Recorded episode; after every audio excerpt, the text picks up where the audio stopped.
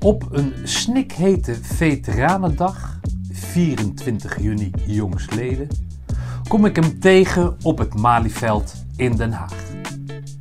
Hij houdt me staande en al snel blijkt dat we beide Roosendaal in ons cv hebben staan. Ik diende vijf jaar later, maar veel zaken blijken we op eenzelfde manier beleefd te hebben. Hij maakte deel uit van een peloton welke werd opgeleid door een illuster figuur, Herman Engelsman. Daarna volgt een avontuurlijk leven. Lichting 77.6. In deze aflevering van de Mutstas podcast. Het levensverhaal van dienstplichtig commando Joost Heggers. Commando Joost Heggers, 57 03 13 199. Uh, Veteranendag, daar kwamen we elkaar tegen. Ja. Eh, wat, wat, wat doe jij daar dan? Ja, ik heb altijd een, eh, toch een band met de defensie. Want eh, ja, het zet op de mannen die, die klaarstaan als, als het nodig is. En die mannen die je op de Veteranendag tegenkomt, die hebben dus daadwerkelijk zijn in actie geweest. Waar ze vaak niet het respect voor krijgen wat ze verdienen. En gelukkig de laatste tijd wel, sinds die Veteranendag in het leven geroepen is. En ja, ik, eh, ik vind dat leuk om iedereen daar eh, zo te zien. Mannen die elkaar hebben meegemaakt in moeilijke omstandigheden. Ik ga uiteraard altijd even naar de KCT-stand, waar ik overigens niemand ken. Maar wie weet, ik ben jou daar tegengekomen. En eh, ja, ik had tijd en het was mooi weer. Nou, ik ben geboren in Den Haag. Eh, ik heb eh, één broer en twee zusters. Dus hebben, eh, ik ben geboren in het centrum van Den Haag. Toen zijn, toen zijn we verhuisd naar Morgenstond. Dat was zo'n wijk waar al die jonge gezinnen toen heen gingen. En nou, dat waren vrij kleine flatjes. En dat werd op een gegeven moment te klein. En toen zijn wij naar Leidschendam verhuisd. Want het waren, er werden, werden ook weer van die wijken uit de grond gestampt. En daar gingen al die jonge gezinnetjes toen naartoe. Eh, ik Jij bent 66, hè? Ik Om ben even- 66, Ja, ja. oké. Ik, ik moest van jou zeggen dat, dat het er niet zo uitziet. Dankjewel. Maar eh, oké, dus dan weten we een beetje het tijdsbeeld. Hè? Dat was ook de- is dat ook de tijd van Soetermeer? Dat Soetermeer uit de grond... Dat eh, kwam weer net iets later. Oh, net iets later. Oké, Ja. ja. ik ben een stuk jonger. Ik Ja. ben 59. Dat kan je ook En? wel zien. Dat kan je dan ook wel weer zien. Maar goed, Ja, dus en, morgen eh, stond eh Leidsendam en daar woon je nu nog steeds. ja, ik ben in die tussentijd eh, heb ik ook nog even in Den Haag gewoond. Ik heb 14 jaar in Voorschoten gewoond, waarover straks meer. En nou ja, wij hadden een gewoon doorsnee gezin. Mijn moeder was huisvrouw, die werkte thuis en pa was aan het werk. Wat deed pa voor werk? Die was technisch inkoper bij een ingenieursbureau. Oké. Alleen pa die nam het niet zo nauw met het gezinsleven. Hij was er eigenlijk totaal ongeschikt voor. Dus eh, die was er nooit, praktisch. En eh, die heeft ook twee jaar in Duitsland gewerkt voor, eh, voor zijn werk dan. En die zag ik, die kwam zaterdagmiddag thuis. Dan ging hij naar de stad toe, ging hij zogenaamd platen kopen en boeken en weet ik het wat. Dat was zijn grote passie. En zondagavond ging hij weer weg. En dat, dat vond ik altijd vrij dramatisch. Want ik voelde altijd die spanning bij mijn moeder. En dat, ja, dat heb ik als niet zo prettig ervaren. En na de hand, toen wij wat ouder waren, mijn vader en ik, toen gingen we eigenlijk op gelijkwaardige manier met elkaar om. En toen bleek dus dat hij overal vriendinnetjes had en eh, dat hij op grote schaal vreemd ging. Dus eh, ja, en hij was niet een vaderfiguur, om zo maar eens te zeggen. Hm. Niet dat ik daar last van heb gehad, want het grote voordeel was dat ik kon- precies kon doen waar ik zin in had. En dat heb ik ook eh, gedaan. Maar hij zorgde wel voor brood op de plank. Ja, wat dat betreft geen kwaad woord. We zijn nooit wat tekort gekomen. Oké. Dus dat was allemaal goed geregeld. En mijn moeder is een hele sterke vrouw. Was een hele sterke vrouw. Dus die regelde alles. Ik heb banden leren plakken van mijn moeder. En eh, het eerste spijkertje in hout slaan heb ik van mijn moeder geleerd. Nou, mijn vader die was eh, compleet atechnisch, onhandig. Interesseerde hem ook niet. Zijn passie was eh, muziek, toneel en lezen. Hm. Maar jij zegt was, dus Ze zijn alle twee overleden. zijn alle twee overleden. Samen, nee, niet samen overleden, maar dat huwelijk heeft stand gehouden? Nee, nee, nee. Oh, dat is een vrij snel. Sowieso was het eigenlijk al niks. En op een gegeven moment toen eh, heeft mijn zus... Die heeft eh, dingen uitgezocht en die kwam dus achter dat hij al lang een vriendinnetje ergens had. En daar heeft hij mee geconfronteerd, mijn moeder mee geconfronteerd. En toen heeft mijn moeder hem zelfs nog een kans gegeven om door te gaan. En als die, die andere vrouw zou laten voor wat het was. En dat deed hij niet, dus toen was het einde oefening. En toen is hij okay. weggegaan. Wat heb jij van je moeder? Die, die daadkracht, het, ja, eigenlijk schouders eronder, overal wel weer een gat in zien. En, en ja, een soort optimisme. Alles lukt, dat doen we, nergens mee zitten, niet zo bang. Mijn moeder was echt een, een dappere vrouw. Oké. Maar je moet ook een dappere vrouw zijn als je met zo'n man getrouwd bent dan? Ja, zeker. Ja. Oké. Moet ik vragen wat je van je vader hebt dan? Uh, ja, mijn vader was een beetje een. Uh, ik, wil, ja, ik wil mezelf niet gaan opheven, maar uh, dat was een vlotte prater. En als we bijvoorbeeld een feestje hadden ergens en mijn vader kwam binnen, was lachen gieren brullen. Dus, Ga jij vertellen dat, dat dat bij jou ook zo is? Vaak wel, ja. ja. Ik zit altijd we, we, beginnen even opnieuw, want hij begint nu te liegen. Want dat, gaat helemaal nergens over. Nee, maar ik zit altijd wel goed in mijn teksten. En uh, ja, als iemand een grap maakt, ik knal hem gelijk terug. Dat deed mijn vader ook altijd. Dus ik denk dat ik dat een beetje van hem heb wel. Oké, maar dat avontuurlijke, dat heb je dan natuurlijk ook een beetje van je vader dan. Misschien dan in, in een wat positieve zin, maar... Ja, mijn vader was echt een uh, womanizer. Dus uh, dat, hij was een groot liefhebber van het vrouwelijk schoon, om zo maar te zeggen. Dat heb ik ook wel. En uh, ja, avontuurlijk. Hij was niet zo heel avontuurlijk. Ja, maar goed, als je dat soort, soort dingen aangaat, ja. Dus het zijn natuurlijk allemaal geheime missies, maar... Uh, ja, dat was top secret. Ja, oké, maar het is natuurlijk vrij, vrij avontuurlijk dan, ja, toch? Ja, in die zin wel, ja. Maar heb je, heb je dan uh, de looks van je vader? Ja, ik lijk wel op hem, ja. Oké, nee, maar gewoon de looks. Oh, je nou, lijkt op uiterlijk, Oh, uiterlijk. Ja, ik, ik, ik heb een... die zijn inmiddels ook overleden. Maar ik had een oom en een tante waar mijn vader dus uh, vroeger veel ook kwam. Die uh, oom, dat was zijn beste vriend vroeger. Zo heeft hij ook mijn moeder leren kennen. Ja. ja en dat was ik ook altijd te lachen, gieren, brullen. En die zaten op het toneel samen. En toen die mensen wat ouder waren en enigszins dementerend. En toen ging ik daar ook nog wel eens heen. En die tante zei, mijn vader heette Piet. En uh, dat was, en Piet, we hebben wat afgelachen hè, vroeger. En Piet dit, Piet dat. Ik, ik heb drie keer gezegd, ik ben Piet niet. Op een gegeven moment heb ik dat opgegeven. dus daar kan ik wel uit opmaken dat ik wel iets van hem weg had. Ja. Oké, maar, maar kan je zeggen dat je een, een, een, een gebalanceerde jeugd hebt doorgemaakt zonder, zonder al te veel trauma's? Ik heb totaal geen trauma's. Ik heb, ik heb een fijne jeugd gehad. En, en, dat mijn vader Ernie was, ja, zo, zo was het. En uh, ja, ik heb het niet als gemis ervaren. Ja, dus uh, wij wonen inmiddels in Leidsendam. En uh, wat het leuke was toen, heel Leidsendam was in, in opkomst. Hè, dus er werden over flat, flatgebouwen neergezet. En ik had een aantal vrienden en er was niks leuk, leukers dan rotzooien in die, op die bouwplaatsen. En in die keten van, uh, van die bouwvakkers, er werd even een, een ruitje in getikt, dan gingen we naar binnen. En dan lag de, de lach, dat was destijds een uh, blaadje. En uh, ja, als je één tepel zag, dan was het veel, maar dat vonden wij al heel spannend. En daar lagen allemaal lege flessen en die leverden wij dan in bij de supermarkt. En daar kochten wij kauwgom voor en snoep en troep. Dus dat, ja, we hadden een beentje, we een beentje opgericht en dan gingen wij langs de deuren om eh, geld op te halen voor uh, muziekinstrumenten. Nou, dan gingen we al die galerijen af en dan belden we aan. Mogen we een liedje zingen voor, uh, voor muziekinstrumenten? Ja, speel maar wat. Nou, niemand die kon wat spelen. Ik zat een beetje op zo'n wasstommel te, te, te, tikken. Ik was de drummer. En akkoorden nooit van gehoord. Nou, dan zongen we wat en kregen we een, twee kwartjes en dan wegwezen.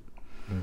Dat, dat deden we dus ook. Oké, dus gewoon een leuk vrije jeugd heb je, heb je, heb je ja, mogen en kunnen doormaken. Ja, ondanks zeker zeg maar, dat je thuis uh, niet was zoals anderen het eventueel. Nou ja, als je dat zo hoort, is dus overal wel wat. Nee, elk huis heeft zijn huisje natuurlijk, dat, dat, dat zal. Maar uh, het, het, het, het, was toch, zijn ze gescheiden? Ja, ja, ja, toen ik dat was not done, toch? Officieel dus, eigenlijk was het nooit wat, van het begin af aan al. Maar zeven, toen ik 17 was, zijn ze officieel uit elkaar gegaan. Nee, maar dat was toch, dat was niet... Het was niet echt gebruikelijk. Nee. nee.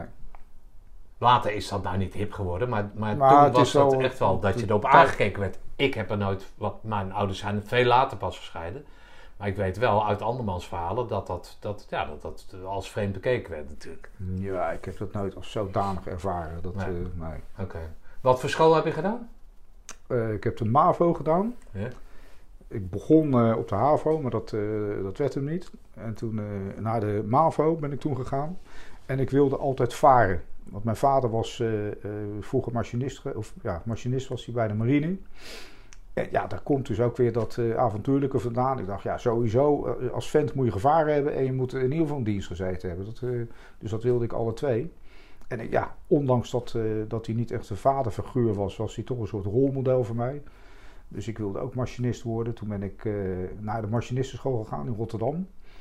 Had daar toen de HTS... Wat, wat is een machinist? Wat, nou, een boter, een motor zit een motor in, tenzij het een zeilboot is. Maar ja. dat is niet gebruikelijk in de, in de koopvaardij. Ja.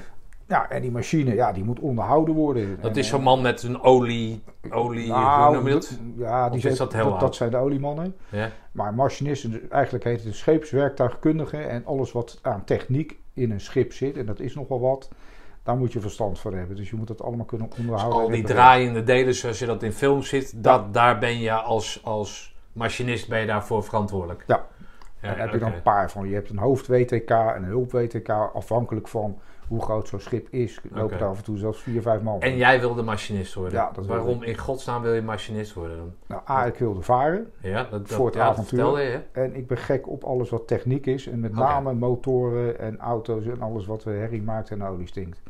Oké.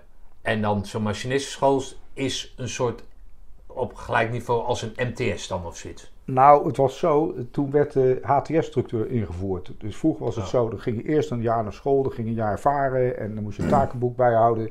Nou, dat was het traject. Maar toen uh, vond men dat dat te lang duurde, dus ze deden de HTS-structuur. Ging je vier, nee, drie jaar naar school, één jaar varen, een jaar terug en dan was je klaar. En dan kon je hoofdwerktuigkundige worden. Dus daar heeft mijn moeder, die regelde het allemaal, voor gekozen omdat ik HAVO geen HAVO had, moest ik het nulde jaar doen. Dus je werd in dat ene jaar opgestoomd tot HAVO-niveau. En uh, wat heel belangrijk was, was wis, scheier natuurkunde. Ik woon, ik woon in Leidsendam en uh, die school was in Rotterdam. Op de Willem Buitenwegstraat. Dus ik moest elke dag met mijn brommer daar naartoe. Dat begon om, ik geloof, acht uur half negen tot half vijf. En je kreeg vijf, vier, vijf uur per dag wis, scheier natuurkunde. Nou, dat vond ik niet leuk. Want wat ik wilde, ik wilde sleutelen aan die machines. Dat vond ik leuk. En dan, uh, ja, ik, ik, trok het niet. Ik vond het niet interessant, dus ik zat te, te, te fluimen naar zo. Maar ze hadden er wel een smederij en een bankwerkerij. En dat vond ik wel leuk. Dus toen kwam ik in contact met uh, metaalbewerking. Lassen deden we daar en uh, smeden en zo. Ik dacht, dat vind ik leuk. Dus ik heb dat jaar gewoon zwaar de kantjes ervan afgelopen. Ik heb gespijbeld bij het leven. Want het was in Leidschendam een eh, vleeswarenfabriek van de Laan. En daar kon je binnenvallen wanneer je wilde. En dan kon je werken. Dan verdiende je tientje per uur, wat toen hartstikke veel was. Dus ik heb de helft van de tijd heb ik lopen spijbelen. Maar ik had wel altijd geld. Hm. En ik ben natuurlijk van die school afgedonderd. Want uh, die cijferlijst, dat, uh, dat, ging nergens over. Hm. Maar ik moest wat. Dus uh, toen dacht ik, wat gaan we doen? Toen ben ik naar het arbeidsbureau gegaan. Ik, ik zei, joh, ik wil iets doen in de metaalbewerking. Maar ik wil wel een opleiding volgen. nou, dat je destijds had je het leerlingwezen, noemden ze dat. Dus dat eh, zijn bedrijfsopleidingen, van B-metal heette dat destijds. Ging ja, dat is wel voor meer branches, toch? Horeca is dat toch ook... Uh, precies. Eigenlijk had, had iedereen op dat middelbare niveau... had toch zo'n soort structuur waarin je dan vier dagen werkt... en één dag naar school. Ja. Dat je learning on the job of zo. Weet ik dat zoals was dat tegenwoordig heet. Of Misschien ja, alweer een tijdje dus, dus dat ben ik gaan doen. Ja, En dan krijg je lassen en... en uh... Wat vind jij daar... Ja, sorry dat ik je in de reden val. Maar wat, vind je, wat, wat is er zo leuk aan met je handen werken en dan dat metaal? Is dat, het, dat, dat je iets van nul opbouwt en dat je dan het resultaat ziet? Of ja, dat... ja, dat is het. Het, het, het, is, ja, het is het creëren van iets. Het is het maken van iets. En daar, daar krijg ik toch wel veel voldoening van. Kijk, ik heb bijvoorbeeld niks met voetbal. Dan loop ik ergens een bal aan te rennen. Ah, ik kan het niet. Als ik die bal uh, twee minuten heb, dan wordt hij weer van me afgepikt. Als ik op het doel schiet, dan schiet ik mis. Dus dat wordt hem niet. Vind ik niet leuk. Ik kan me voorstellen als je het wel. Ja, maar kan je niet beter dan een stukje trainen en dat je. Of geef je wel meer dingen snel op? Of wat, nee, nee, het is niet een kwestie van ah. opgeven. Maar op een gegeven moment moet je gewoon. Uh, keuzes maken. Keuzes maken en, en jezelf realiseren. Ah, ik vind het niet leuk. En ik heb er totaal geen aanleg voor. Hmm dan ga je dingen doen die je wel leuk vindt. Heb je wel op voetbal gezeten? Nee. Oh, oké. nee, op, op, school, ik werd als laatste gekozen. Oh nee, ik wilde even vragen of je Nee, nee, alsjeblieft niet. Haagse clubs uh, kende. Maar... Nee, ja, ik ken ADO. En wat had je nog meer raar aan, nog een stel van die, die clubs? Ja, gewoon, nou, weet ik wat, al die amateurclubs. Nee, ik heb er helemaal niks mee. Nee, maakt niet uit.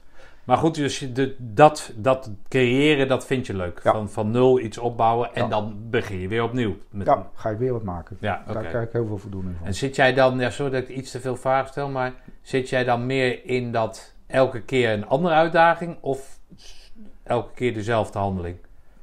Nou, dat kan alle twee. Kijk, je doet sowieso iedere keer wat anders natuurlijk. Ook in die metaal. De ene keer maak je een meubel, dan maak je, je hebt ze gezien het, hè, dan maak je een deur. Maar net zo lief doe ik dat met hout, of ik metsel een muur, of ik werk aan een auto. Maar als ik maar iets creëer, iets technisch, dat vind ik leuk. Hm. Want ik heb ook geschilderd, dus ik ben decorschilder geweest. Uh, ja, en daar krijg ik dan weer geen kick van. Nee? Nee. Dus dan eh, staat er zo'n decor, denk ik, ja, uh, ik heb hier niks aan. Weet je, het moet, wat je maakt... Het moet, blijvend zijn. Het moet blijvend zijn en het moet nuttig zijn. Dat is een beetje wat mij aantrekt. Oké die opleiding, ja, dat was natuurlijk twee vingers in de neus. Want ik had uh, dat, dat hele zware traject gehad met wisschijn natuurkunde. Nou, dat stelde daar werkelijk geen moer voor. Dus dat, uh, dat ging heel makkelijk. Ja, die bedrijfsvakschool, dat, uh, dat was lachen, gieren, brullen. Dat waren natuurlijk allemaal jongens ook, van mijn leeftijd. Nou, dat was keetschoppen en toch ook dingen maken. En ik kon eindelijk, ik verdiende daar ook geld. Dus ik kon eindelijk mijn grote droom verwezenlijken. En dat was een motor kopen. Dus dat heb ik ook meteen gedaan. Ja. En dat was een oude Engelse motor, een Triumph. Nou, dat ding dat, eh, was meer kapot omdat hij reed. Maar, maar dat vind je wel weer leuk. Dat was mijn passie. dus ik was constant met dat ding bezig. Ja. En, uh, ja. en toen op een gegeven moment, na die twee jaar, heb ik mijn diploma gehaald. Op mijn sloffen. En toen kwam de oproep binnen van de militaire dienst. Eerst kregen we een kaartje, weet ik nog wel. En dan kon je op invullen waar je eventueel wel of geen zin in had. Ik heb alles ja gezegd. Parachutespringen, korps, commandotroepen, uitzendingen naar het buitenland. Ik vond alles best. Maar ik wilde echt in dienst. Dat wilde ik meemaken. Dat leek me ontzettend leuk.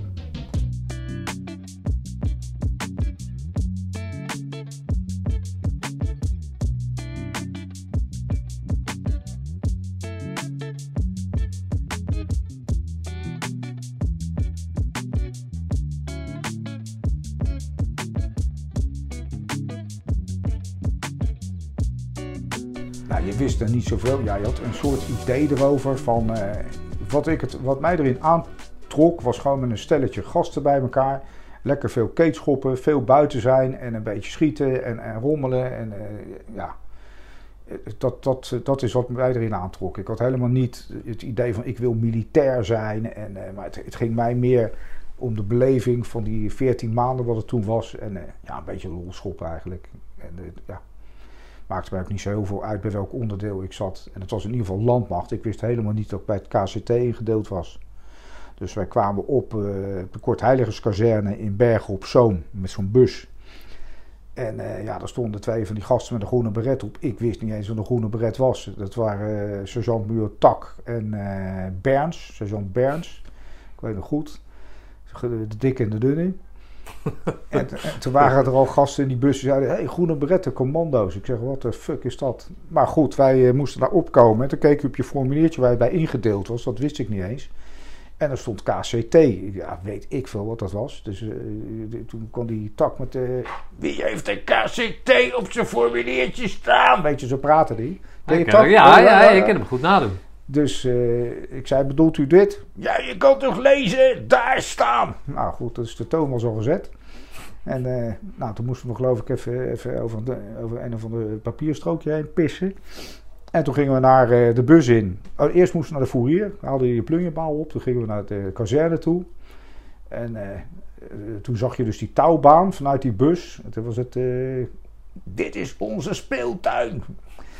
Nou, toen moesten die Nushut komen. Ze werden toegesproken door uh, Leunissen. En die zei, uh, nou jongens, dit, is de zwaarste opleiding van de, van de hele krijgsmacht. Wie dit niet zo, ziet zitten, die kan nu weg. Nou, een paar jongens die staken de hand op en die konden weg. is dat zo? Ja, en die hoefde niet eens meer een dienst voor de rest. Wat? Nee, die konden naar huis. Huh? Ik dacht, ja, maar dat wil ik niet. Ik wil wel die diensttijd meemaken. Dus ik bleef lekker zitten. En uh, nou ja, toen kreeg je die... Toen kreeg je die vooropleiding en we waren een hele grote groep. Dus maar hoe wist je dat dan? Dat, dat, want dat is ook altijd van die verhalen over die afvallers hè, binnen bijvoorbeeld zo'n ECO. Ja, wat is, vraag ik me altijd af, wat is mee gebeurd? Maar dat weet niemand, omdat je natuurlijk niet even adres kon uitwisselen of ik bel je of ik app je of wat nee, die jongens die zag je gewoon niet meer. Nee, precies. Dus diegene die... Maar dat was dan omdat er te veel waren dan? Ja, er waren er te veel. Want het was toen zelfs ook zo, ik weet niet, nou dat is dan voor jouw tijd geweest Iedereen die in 1959 eh, geboren was, die hoefde niet in dienst. Ah, oké. Dus het was best een groot aanbod. En toen ook, toen was het, nou ja jongens, we moeten met die gasten, huppakee, helemaal in de moeders. Hm. Oké. Maar ja, ik, ik blijf zitten, dus wij gingen door. Ah, en dat, dat, dat hele dat VO-gebouw, dat was barst uit zijn voegen. Want de vorige peloton voor ons, dat, uh, dat was er ook nog. En dat uh, moest er ECO nog in. Dus die werden volgens mij al in die tenten uh, geplaatst. En wij hadden mazzel, wij lagen op de kamers.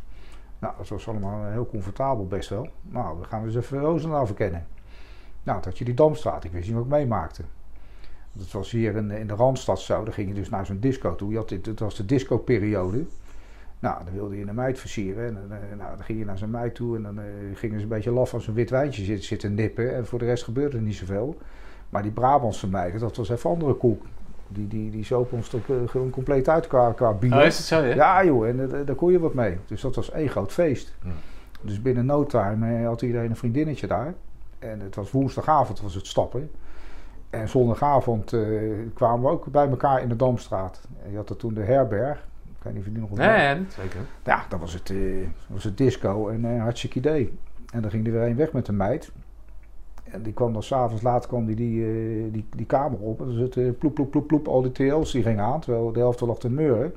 En dan werden de verhalen even verteld wat er allemaal gebeurd was die avond. Ja, het was natuurlijk feest. Dus ja, ik vond, dat wel, ik vond het wel leuk. En toen werden we langzaam maar zeker, uh, werd je conditie wat, uh, wat op, opgevijzeld. Want er waren jongens die hadden natuurlijk nog nooit wat uh, aan sport gedaan. We gingen zwemmen, weet ik nog wel. Dat was zo'n zo'n zwembad. Was jij een beetje sporter dan? Ik ben totaal geen sporter. Nee. Oh, niet? Nee, nul. Huh? Dat, nee, dat boeide me allemaal niet. Oké. Okay. Nou ja, maar goed, omdat jij zegt schoolplein voetballen was er niet zo goed in. Dus dan ga, dan ga je niet naar voetballen. Of ga je niet op voetballen. Misschien wel een andere sport. Nee, transport. Ja, ja oké. Okay. Nee, voor de rest, nee. Oké, okay, maar zie je, als je daar dan komt en, en, en er wordt gezegd: dit is onze speeltuin en uh, weet ik wat.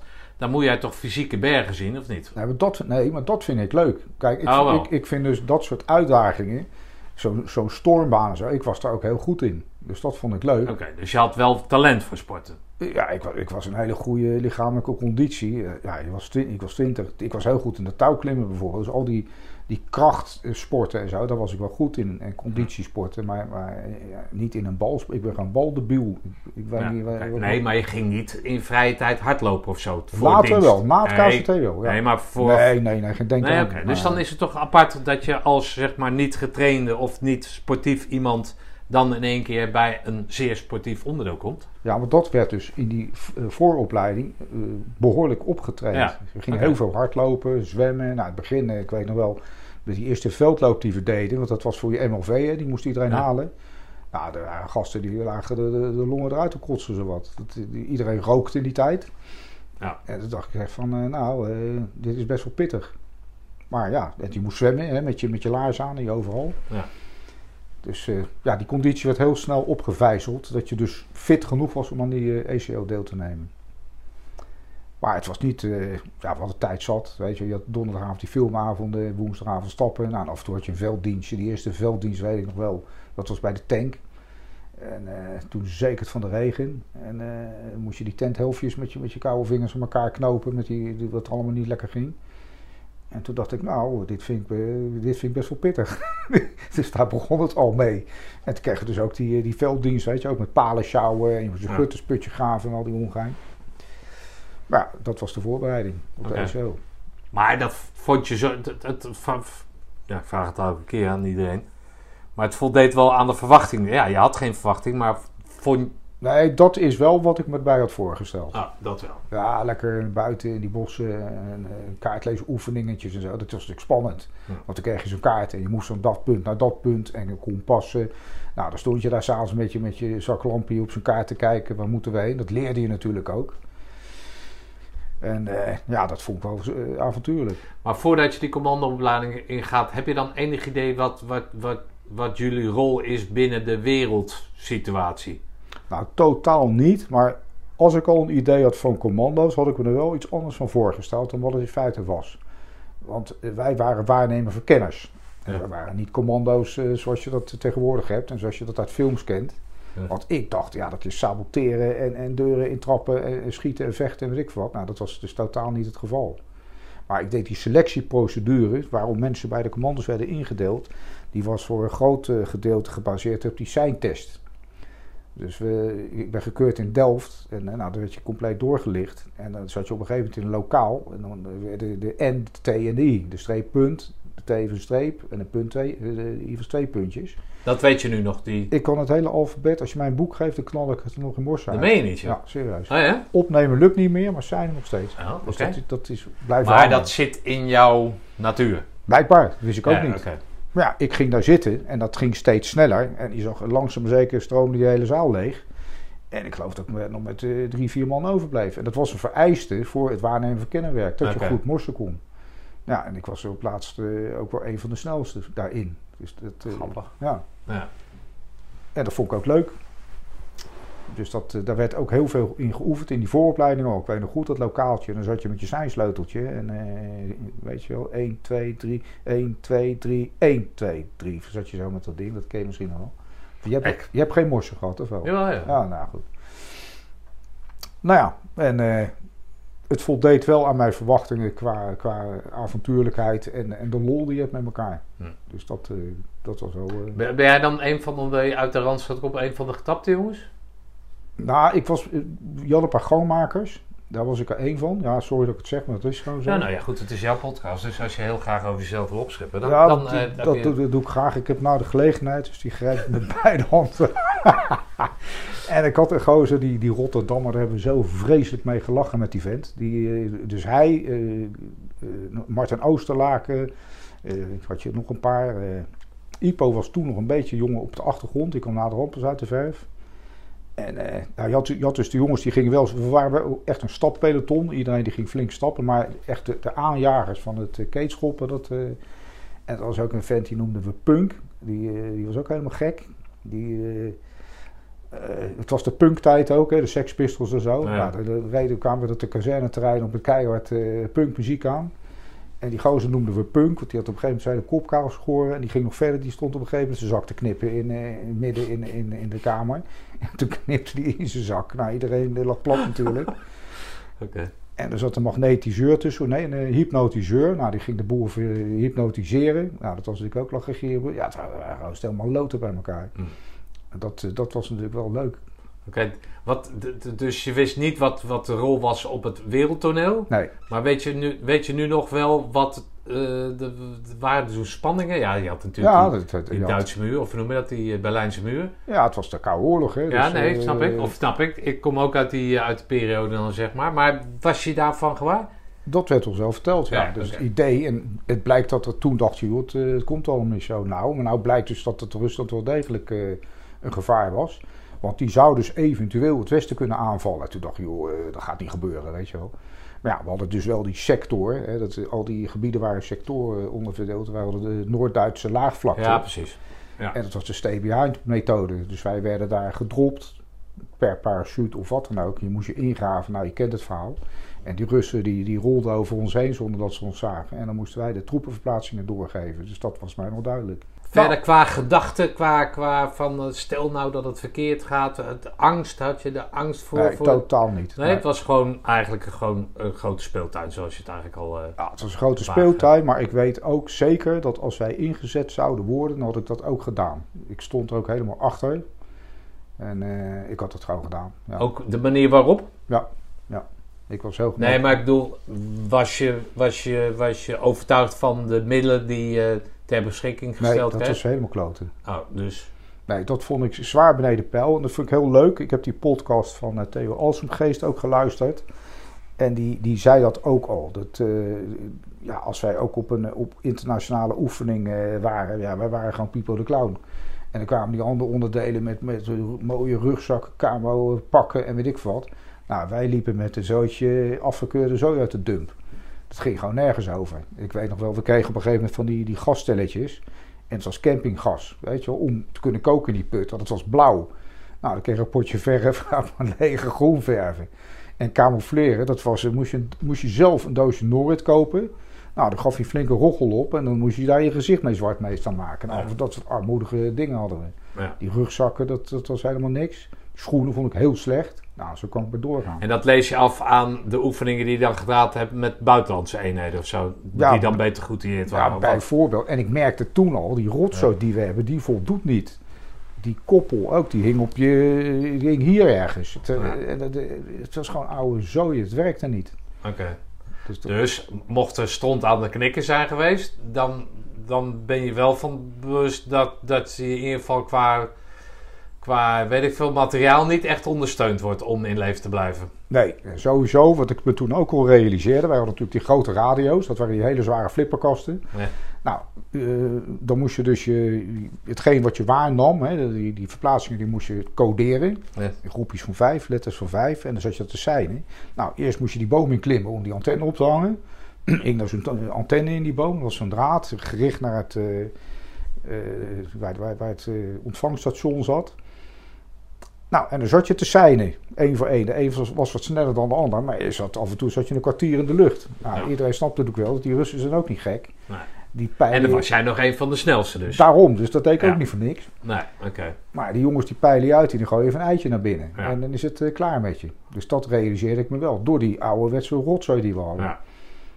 Ja, oké. Maar goed, ik weet dat wij hadden namelijk ook nog antennes. En dan hebben we het over zeg maar, een jaar of vijf later. En dan die DBA's, zo digitale berichten, ik weet niet hoe het heet. Dat was weer een stuk later. Dus dan heb je echt wel zeg maar, een hele lange periode, misschien wel decennia lang, dat er gewoon met, met gedateerde apparatuur eh, gewerkt uh, werd. Ja, dit was gewoon puur antiek wat wij hadden. Ja, het is natuurlijk, weet je je wordt natuurlijk commando omdat je dan hè, die uitdaging, weet ik van wat. Maar stel nou dat het voor het echt zou zijn, nee, dat ging, dat dan kom je tekort. Ja, ruim tekort. Dat, eh, dat was heel slecht geregeld. We hadden bijvoorbeeld ook die gevechtshandschoenen. Nou, die blikjes worst die stonden op een gegeven moment gewoon bol. En toen hebben ze gezegd van, nou, die gaan we vervangen. dat is niet verantwoord meer. En die gevechtshandschoenen, ik, rantsoenen, ik vond ze op zich best wel lekker. Maar ja, het was natuurlijk uh, ook niet echt haute cuisine. En het was, uh, het was echt gewoon zwaar ook. Dus je liep je, liep je rot te sjouwen. Ja, ja. oh, ja, om jezelf in... Ja, oké, ja. Nee, ja, dat, was, ja, dat is vaak kut inderdaad. Ja. En om maar niet te spreken van die schoenen. Kijk, die schoenen zijn essentieel. Ja. Nou, wat wij hadden als ik had uh, op een gegeven moment ook behoorlijk pijn aan mijn poten. En, en die dingen die waren ook niet waterdicht. Dus dat ik, ja, uh, die oude overals die we droegen, het was gewoon oude rotzooi die we hadden. ja. Ja, en dat, dat, en dat vond ik heel goed. Dat Awesome Geest, dat zei, die, die, die zei, wat dat betreft nemen we die jongens ook niet echt serieus. En dat had ik dus ook. We hebben zo ons best gedaan om die groene beret te halen. En wat krijgen we? De zak met loren. Nou, het is natuurlijk eh, een beetje beneden. Ja, ik, ja, ik kan me niet herinneren dat ik dat toen dacht hoor. Maar ik weet wel dat ik uh, een paar jaar geleden of zo, of twee jaar geleden, heb ik uh, zo'n zo'n boek gezien. Weet je wel, wat je, zo'n nou ja, top secret of uh, top geheim mag je, niet, uh, mag je niet laten zien. is dan het boek van hoe je een put moet graven nou en uh, weet je, al die regels. Ja, en daar staan dan tekeningetjes bij. Nou, echt, dat, dat, dat kan mijn zoon van toen hij twee was. Zo zag het eruit. Ja. Weet je wel? En natuurlijk, hè, het, het, het, maakt een bepaalde ontwikkeling door. Maar het was dan wel zo knullig getekend. Ja. Dat ik dacht van ja, weet je wel, dat, dan blijft er niks meer over van dat hele beeld van een nou ja, wat in ieder geval nu over die jongens is, weet je, dat, dat hypergeheim en zo, ja, dat, nou, nou ja, whatever, whatever, whatever. Met zoveel gingen die ACO in? Ik denk, uh, nou, het zou gauw man of 50, 60 geweest zijn. Ik heb het nooit nageteld, maar zoiets was het ook, denk ik. Oké. Ja. En dan? Ja, je, hebt, je, je, hebt een, uh, je vertelde me uh, over jullie uh, tentkampcommandanten. ja, dat was luitenant Engelsman. Ja mooie vent. Ja, toen haatte ik hem, uiteraard. Maar uh, ik, ik, ging pas na de hand ging ik, uh, het spel begrijpen. In het begin had ik dat niet. Hm. Ik dacht van, uh, wie ben jij dan? En dat op je sodemie te krijgen, ze waren ook onredelijk, vond ik vaak. Weet je, ze, ze eisten dingen van je, dat, dat je het binnen één minuut deed wat gewoon niet kon. Hm. En had je nog zo goed staan poetsen op je wapen, ja, ze vonden wel weer een korrel zand. Ik dacht, wat is het voor Maar heb je dat nooit bespreekbaar gemaakt dan? Ik ging over de zeik. Jij ging over de zeik? Ja, natuurlijk. Oké, hoe, hoe gaat dat dan? Nou ja, dat, het is op een gegeven moment van, uh, ja, de halve ruk van zij zit in je Uzi. Ik zeg, hoezo dan? Ik zie niks. Ik heb het ding hartstikke schoongemaakt. Je moet je oude hoer, pak er maar tien, weet je wel. Dat soort, uh, dat soort zei jij, dat zei jij toch niet tegen hun? Nee, nee, nee, nee. Nee, nee, dat durf ik. Omdat je het op zaag deed? Uh. Nee, nee, dat, nee, dat durf ik niet. Oh, nee, Want ik is alles wat ik, wat ik doe, maar ik, ik probeer wel de redelijkheid te zoeken. Ja, oké. Maar redelijkheid bestaat daar in, nee, in dat proces toch niet? Natuurlijk niet, maar dat, daar moest ik aan wennen. Van, ja, ja, wat jullie nu allemaal zeggen en doen, dat, dat, uh, dat is niet redelijk. Maar toen na de hand, ja, dan ga je een beetje. En het is natuurlijk ook zo, als je groeit dat tentenkamp in, althans zo heb ik dat ervaren. In het begin denk je, wat is dit voor een gekke huis? En dan, je weet ook niet of je het gaat halen of niet. Dus je denkt, ja, ik loop hier vreselijk mijn best te doen en ik krijg op een donder en weet ik het allemaal niet meer. Misschien lig ik er over, over een week uit. Ja. Maar toen ging je op een gegeven moment merken van, wij gaan het redden met elkaar. Oké, maar het is, het is gestoeld op, op, of geschoeid, weet ik veel wat, op onzekerheid, toch? Onzekerheid. Je wist nooit wat je te wachten stond, of je ging slapen of niet, hoe lang iets ging duren. Het was die onzekerheid en dat gaf ook een vorm van stress. Althans, zo heb ik dat ervaren. Ja. Want we hadden het, hè, toen we even boven waren bij jou, even over Kamp van Koningsbrugge. Ja. En daar zei je dat dat ook, hè, dat je dat herkent. Ja, zeker. Ja. Hè, dus continu eigenlijk niet weten waar je aan toe bent. Ja. Dat maakt dat, dat je het uh, dat het in tussen je oren kruipt. Maar daarnaast dat het ook lich of, uh, lichamelijke effecten kan opleveren. Toch? Ja, ja het, het is fysiek. Ik vond het, ik vond het tentenkamp zwaar. Ik zal het nooit ontkennen. En dat is een van de redenen was ook dat ik op een gegeven moment behoorlijk wat blessures kreeg. Ik kreeg last van mijn knieën, ik kreeg last van mijn schenen, ik kreeg last van mijn Achillespezen, alles zo'n beetje. En ja, op een gegeven moment deed het lopen deed mij gewoon zeer. Ik, ik had gewoon behoorlijk pijn. En het was op, uh, zelfs in die mate dat ik dacht, ik ga ermee kappen. Ik heb er geen zin meer in. Want, ik ben gek nou, ik had steunzolen bijvoorbeeld.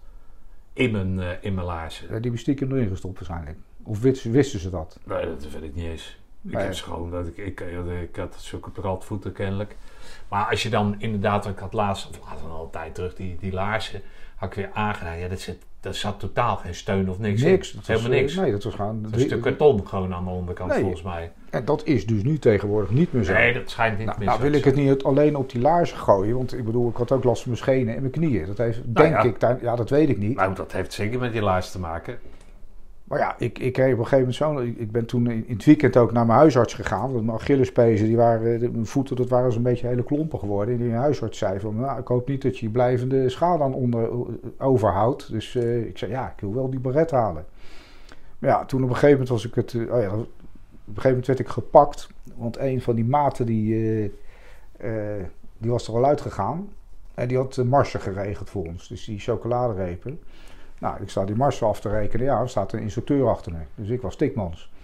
Nou, en dan gaan ze je lopen zuigen, zo'n week. Dus dan word je die eetzaal uitgehaald. En van, uh, joh, uh, jij hebt al mars gegeten, dus pak er maar 10 of 20, weet ik hoeveel. Ja. Nou, ze bleven treiteren. Ik dacht, joh, ik ben het zat, zoek het maar lekker uit. Dus ik heb een VRA'tje getekend. Ik zei, ik kap ermee, ik heb geen zin meer. En Welke week was dat? Ja, weet ik niet meer precies. Dat kan in week, ik denk week 4 of zo. Het was best wel 4, 5. En toen kwamen één voor één die instructeurs naar me toe. Die zeiden, wat, wat gaan we doen, Heggers? Ga, ga je eruit? Ik zeg, nou ja, ik, ik ben dat wel serieus aan het overwegen. Jij gaat er niet uit. Oh, nee, we willen jou hebben. Jij gaat gewoon door en geen geouwe En dat hebben ze, alle instructeurs deden dat bij mij. Dus ze wilden mij hebben. Nou, toen voelde ik me dusdanig uh, gesteund en uh, ik dacht, nou, dan ga ik door ook. Okay. En, er was nog een dingetje. Maar wat, wat, wat zou dat dan zijn? Weet ik niet. Moest er één Hagenees per peloton zijn of zo? Of, Nou, daar kan ik me iets bij voorstellen. Ja? Want er zit er toch nog een beetje intelligentie. Uh, ja, inderdaad. Ja, oké. Dat, dat, is goed voor de moraal. Voor de moraal en voor, de, hè, voor, voor het... Eh, voorbeeldfunctie. Voorbeeldfunctie, nou noem maar op. Ja, oké. Dus, Sta jij ook niet in het, in het korpslogo uh, uh, met je hoofd, of niet? Naast die dolk, ben jij dat? Nou, ik heb er wel iets van weg, maar het is een krawaat. het is een krawaat. oh nee, maar dat moet je strelen dan. Nou, dat deed het ook. Ja, en dat, en dat is super motivatie. Dat is super gemotiveerd. Ja. En uh, uh, ja, wat natuurlijk ook iets was, die gasten waar ik dus in die vooropleiding zo ontzettend mee gelachen had, ja, die deden het ook. En die gingen ook door. Ja. Nou heb je natuurlijk het lastig als je een, als je een blessure hebt. Er waren jongens die hadden volgens mij niks, die gingen als een locomotief. Maar ja, bijna iedereen had wel wat. Ik dacht, ja, ik moet eigenlijk ook niet zeiken. Ik moet doorgaan, gewoon klaar. Ja. Gedeelde smart, half smart. Dat is het. En ik had één, wel een soort instelling. Ik laat me niet slepen, dat doe ik niet. Dus ik, ik ben één keer, dat was ook toen, toen had ik behoorlijk last van alles. Ik, ik was het helemaal zat. En toen moesten we weer gaan lopen. Ik ben gewoon gaan zitten op dat, op, we zaten ergens op een of een zandpad. Ik dacht, eh, fuck you, ik ging gewoon zitten. Boom. Ik doe, Wat loop. is dat voor een instelling? Ja, het is gewoon helemaal kut. Normaal moet, zouden me eruit moeten trappen gelijk. Ja. Ja, dus dat kader, dat kwam terug om mij op te halen. Die sleurde me overend en die trokken mij naar het peloton toe. Het kader van het dienstplichtig kader? Dienstplichtig kader. Ja, ja oké. En toen dacht ik, dit gaat maar niet gebeuren. Hm. En toen zei ik, ik loop zelf. En toen ben ik toch weer meegegaan. Ik moest iedere keer mezelf weer oppeppen. Je gaat mee, je gaat door. En een van die gasten, die, eh, die sergeants, en die, die begint daar iedere keer weer over. En op een gegeven moment werd ik dat zat. Weet je, dus nu, als we elkaar weer zien thuis, ja, ik heb je, toe, je hebt die groene beret mij te danken. Ik zeg, Zegt hij dat? Ja, ik zeg, rot op man. Ik ben één keer ben ik, uh, ben ik door jou dan inderdaad ook overend geholpen. En ik ben daarna gelijk op eigen kracht verder gegaan. En uh, die baret heeft niemand alleen gehaald. Die baret hebben we met elkaar gehaald. Je hebt elkaar nodig gehad. Want ik heb zelfs dus wel heel veel lopen slepen. Want ik was wel goed in, in speedmars en dergelijke. Even jou onderbrekend. Hè? Ik kom binnen hier vanochtend. Ja. En, en, en jij zegt... Hè, van, ja, hartstikke leuk allemaal, maar... Een beetje zo'n... Zo weet je mij, mij, mij hoorde eigenlijk... Ja, mij hoorde... Maar nu blijkt het dus toch echt wel een daar een zaadje geplant te zijn waar je in de rest van je leven wel wat aan gehad hebt dan. Ja, dat, dat is het ook. Alleen ik ben... Nee, maar je deed toch een beetje, nou niet minder nou, en, neerbuigend, maar een beetje van jongens, dat, zo zwaar was het toch allemaal niet. Nou, nee, nee, wacht even. Nee, ik, vind het, ik vond het wel zwaar. Ja. Maar om nou je erop voor te staan van de rest van je leven van ik heb die groene beret gehaald, dus ik ben anders en beter en weet ik het allemaal. Dat vind ik niet helemaal uh, op zijn plaats. Ik zou nooit ontkennen, we hebben twee maanden flink op ons kloten gehad. Absoluut. Ah. En ik vond het zwaar. Maar ja, wat is twee maanden op een mensenleven? Dat, daar kan je toch niet je hele je status aan, aan ontlenen? Nee, oké, okay, bedoel het zo. Oké, ja. nee, oké. Nee, fair enough. Nou. Dus, zij trekken je overeind. Hij zegt tegen jou, ja, nu zegt hij van, ja, die beret aan mij eh, te danken. Ja. Gelul natuurlijk. Is gelul. Hè, want we doen het nu allemaal met z'n allen. Precies. En toen heb ik ook gezegd, nou, eh, je hebt het nou weer gezegd, nou stoppen we ermee. Want uh, ik ben er klaar mee met, uh, met dat gelul iedere keer. En uh, dat is trouwens grappig, want we hebben die man een keer die zelf... is nou een hele goede maat van We hebben een soort haat-liefde verhouding. Ah. We hadden een keer een internationale oefening in, in Duitsland, Sex and Drive. En uh, wij moesten een put graven. Nou, we kregen coördinaten door. En dat was ergens midden in een veld. En het was een internationale oefening. Dus ik zei, joh, als we hier gaan zitten... en ze komen straks met die dikke tanks eroverheen... is het uh, einde oefening hè, voor ons. Dus dit doen we niet. En dat was in ons peloton zo. Dat ik al zei, het was een beetje eigen gereid zootje. Dat kader had gewoon geen reet te vertellen. Hm. Dat deden wij. Martin en ik zaten in de patrouille vaak. En dan hadden wij zo'n sergeant die zei, die zei niet, we gaan dat of dat doen. Die zei altijd tegen jongens, wat vinden jullie ervan? Zei, nou, dat gaan we niet doen. Oh, oh, oh, wat hadden jullie dan gedacht? Nou, zeiden Martin en ik, we gaan het zo, zo, zo doen. En zo, geschieden dus. Hmm. Dus wij maakten de dienst uit. En dat deden we toen ook. We zeiden, we gaan hier niet zitten, we, we gaan in schoolbivak. Nou ja, dus wij in schoolbivak. En uh, inderdaad, die plek waar wij die put hadden moeten graven, daar is met die tank over, eh, overheen geracht. Dus uh, hè, nou, dat was een goede beslissing, toch? Ja. Ja, goed naar de hand. Dus wij moesten onze coördinator opgeven. Dat zou toch godverdomme gebeuren? Ja. Maar dat werd gecontroleerd. Toen, uh, toen was kapitein Kempenaars uh, de CC. En die ging controleren of die put netjes was afgecamoufleerd. Maar we hadden geen put. Dus ik zei, nou weet je wat we doen? We geven gewoon de verkeerde coördinator op. En die vent die zoekt zich wat lazer is. Maar die vindt ons nooit. Maar hij moest naderhand op de mat komen. Van, uh, hoe zit dat nou? Dat, die, die, die, dat kader. Ja, de die, die is plichtige ja. sergeant. Ik zal zijn naam niet noemen, maar als hij dat hoort, weet hij wie, wie ik bedoel. Dus die moest op de mat komen van, uh, joh, hoe zit het nou met die put voor jullie? En die heeft dat verhaal verteld, ja, we hebben geen put gegraven. Nou, die was de lul dus, hij had moeten zorgen dat wij een put gingen graven. Nou, toen gingen we na de hand gingen we naar Mieterwald en toen mocht hij niet mee. Maar dat was, dat, was, dat, dat was de represaille. Dat hij niet mee mocht naar Mittenwald. Ja, dus maar hij werd niet ontheven uit zijn nee, functie? Nee, nee, nee, nee, nee, dat niet. Maar dat was zijn straf. Dus hij moest met het tweede peloton mee op oefening. Ja, hij had natuurlijk kunnen zeggen daar en daar. Want je, komt daar, je gaat niet eigenlijk... Die campenaars gaat niet uh, om, om jou uh, af te troeven. Zegt, nou, we gaan in, naar Duitsland. Gaan we even die, kijken of die putter er daadwerkelijk ligt. Ja, toch? Nou, had gewoon die coördinaten kunnen opgeven. Dus daar, daar lagen we. Nee, maar je had altijd... Er werden coördinaten opgegeven. Daar moest je gaan zitten ongeveer. Je moest nu zicht hebben op die weg. Ja. Maar dat hoeft niet exact die coördinaten te zijn. Je ah, moest iets zoeken wat daar geschikt voor was. Nou ja, en, en ik heb, uh, hoe heet dat, uh, mijn maatje Gaston Otte heb ik geïnterviewd. En zij hadden dus altijd de policy van... Je gaat je krijgt coördinaten op en dan ga je verderop. Want dan kan je kijken wie daar hè, naartoe komt. Nou, 40 jaar lang nooit over nagedacht. Ik denk, denk hé, hey, dat is best slim. Ja. Niet precies daar zitten, want als, als ze je niet kunnen vinden en ze halen je op voor voor, weet je wel, dat zie je dan vanuit een andere positie. Zie je, zie nou wel, zijn goed bezig geweest, want ze komen nou op zoek eh, naar, naar mensen voor uh, klantjes voor voor. Om het zo maar te zeggen. Maar goed, dus jij, uh, hoe heet dat? jullie hebben de dienst uitgemaakt daar. Maakt dat ook dat je dan promotie hebt gemaakt of zo? Ja, niet ik dat belangrijk Ik ben niet eens soldaat 1 geworden. Godsamme, wat doe ik hier eigenlijk? Ja. Ik ga pas interviewen vanaf soldaat 1. dan ben ik toch weer verkeerd ingelicht. Wat is dit, nee, nee, maar goed, ik snapte dat ook niet. Want dat, volgens mij, ik weet ook niet wie dat bepaalde, wie er nou één of zelfs corporaal werd. Want dat behoorde ook nog tot de mogelijkheden. Ja.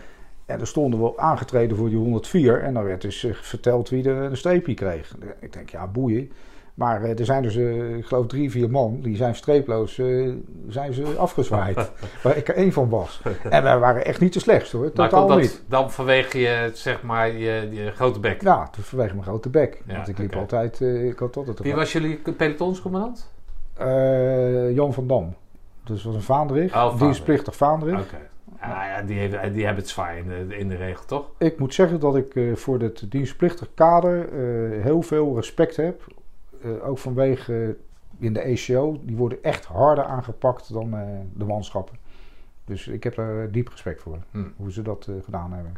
Hoort, behoort die nog steeds, ook behoort die jongens, dat kader nog steeds tot de vaste club van, ja. van ja? Ja hoor, die komen allemaal, als ze een reunietje hebben of iets, dan zijn ze erbij. Wij, okay. goede gasten, hartstikke leuk. Ja, en, en dan confronteer je nog wel eens met het feit dat ze eigenlijk geen flikker te vertellen hadden toen.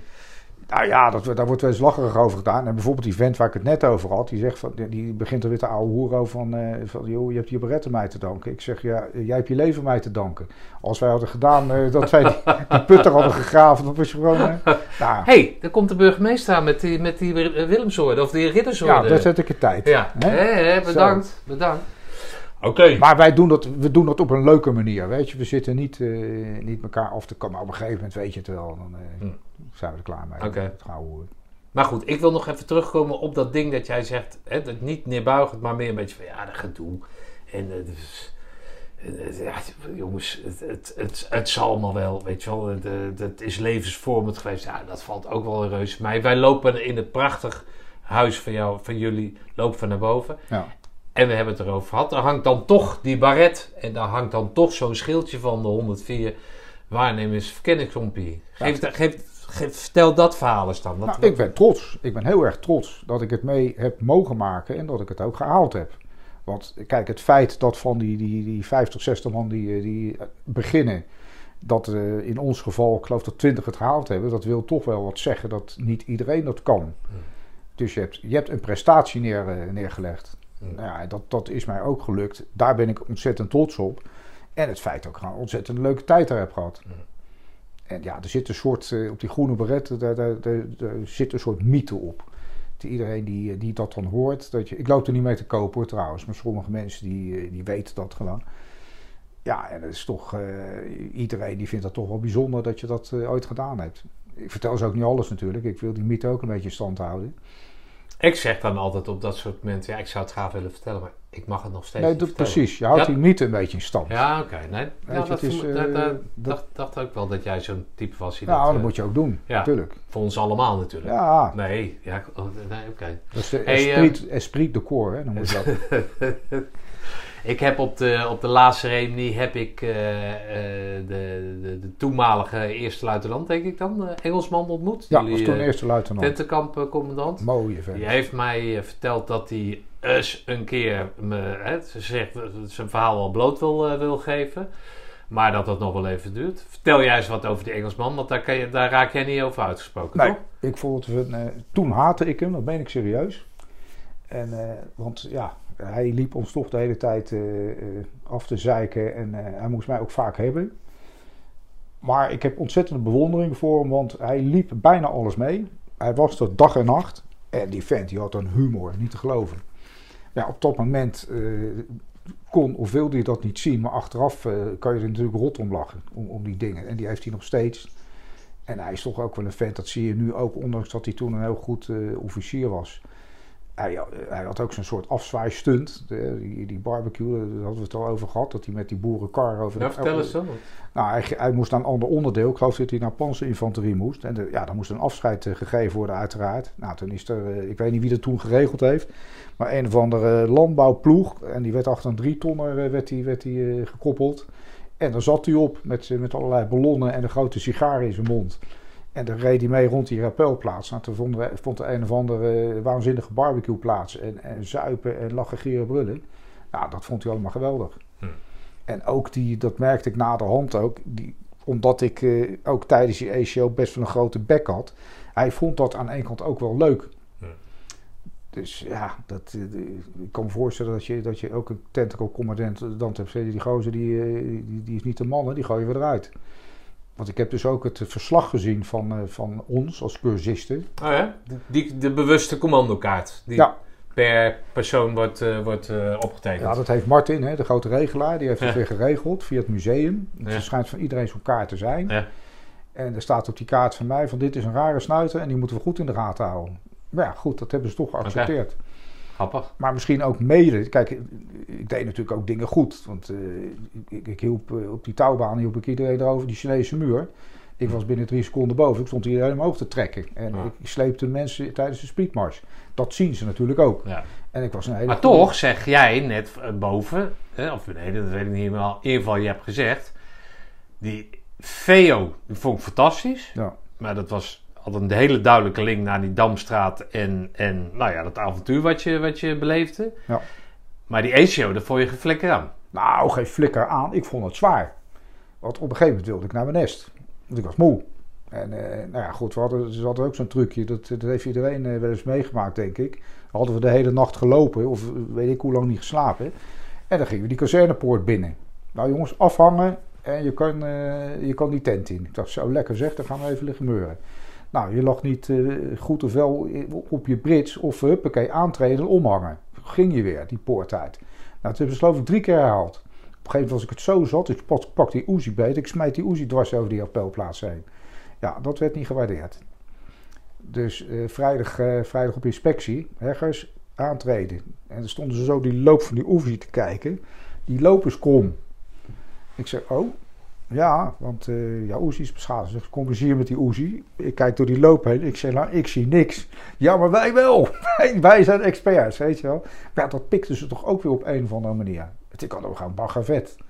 Ik, ik wil gewoon nu meuren, want we zijn er twee nachten zijn we bezig en uh, klaar. Gewoon, uh, je moet nou even met rust maar laten. Dat, dat, dat gaat toch allemaal niet? Nee, dat, dat ging ook niet. Nou, maar ik dus, dus ondanks je grote bek hebben, hebben, hebben ze je toch in stand weten te houden, dus kennelijk. Ja, wat ik al zei, ze zei het gewoon ja. tegen mij, jij gaat er niet uit. Je gaat door, je gaat meedoen en we willen jou hebben. Nou, dat, dus dat was eigenlijk zoals je dat nu wel eens hoort, dat, dat ze op zoek zijn naar een soort diversiteit binnen ploegen. Dat het niet allemaal dezelfde lui zijn. Ja, misschien wel. Maar dat er ook wel eens een keer iemand anders die wellicht in staat is om anders denkend uh, dingen te kunnen oplossen of zo. Iets in die geest. Ja, en bij mij was natuurlijk wel de, de teamgeest heel sterk aanwezig. Want als, ja, ik zou het niet in mijn hoofd halen om bijvoorbeeld mijn eten niet te delen of iets dergelijks. Hm.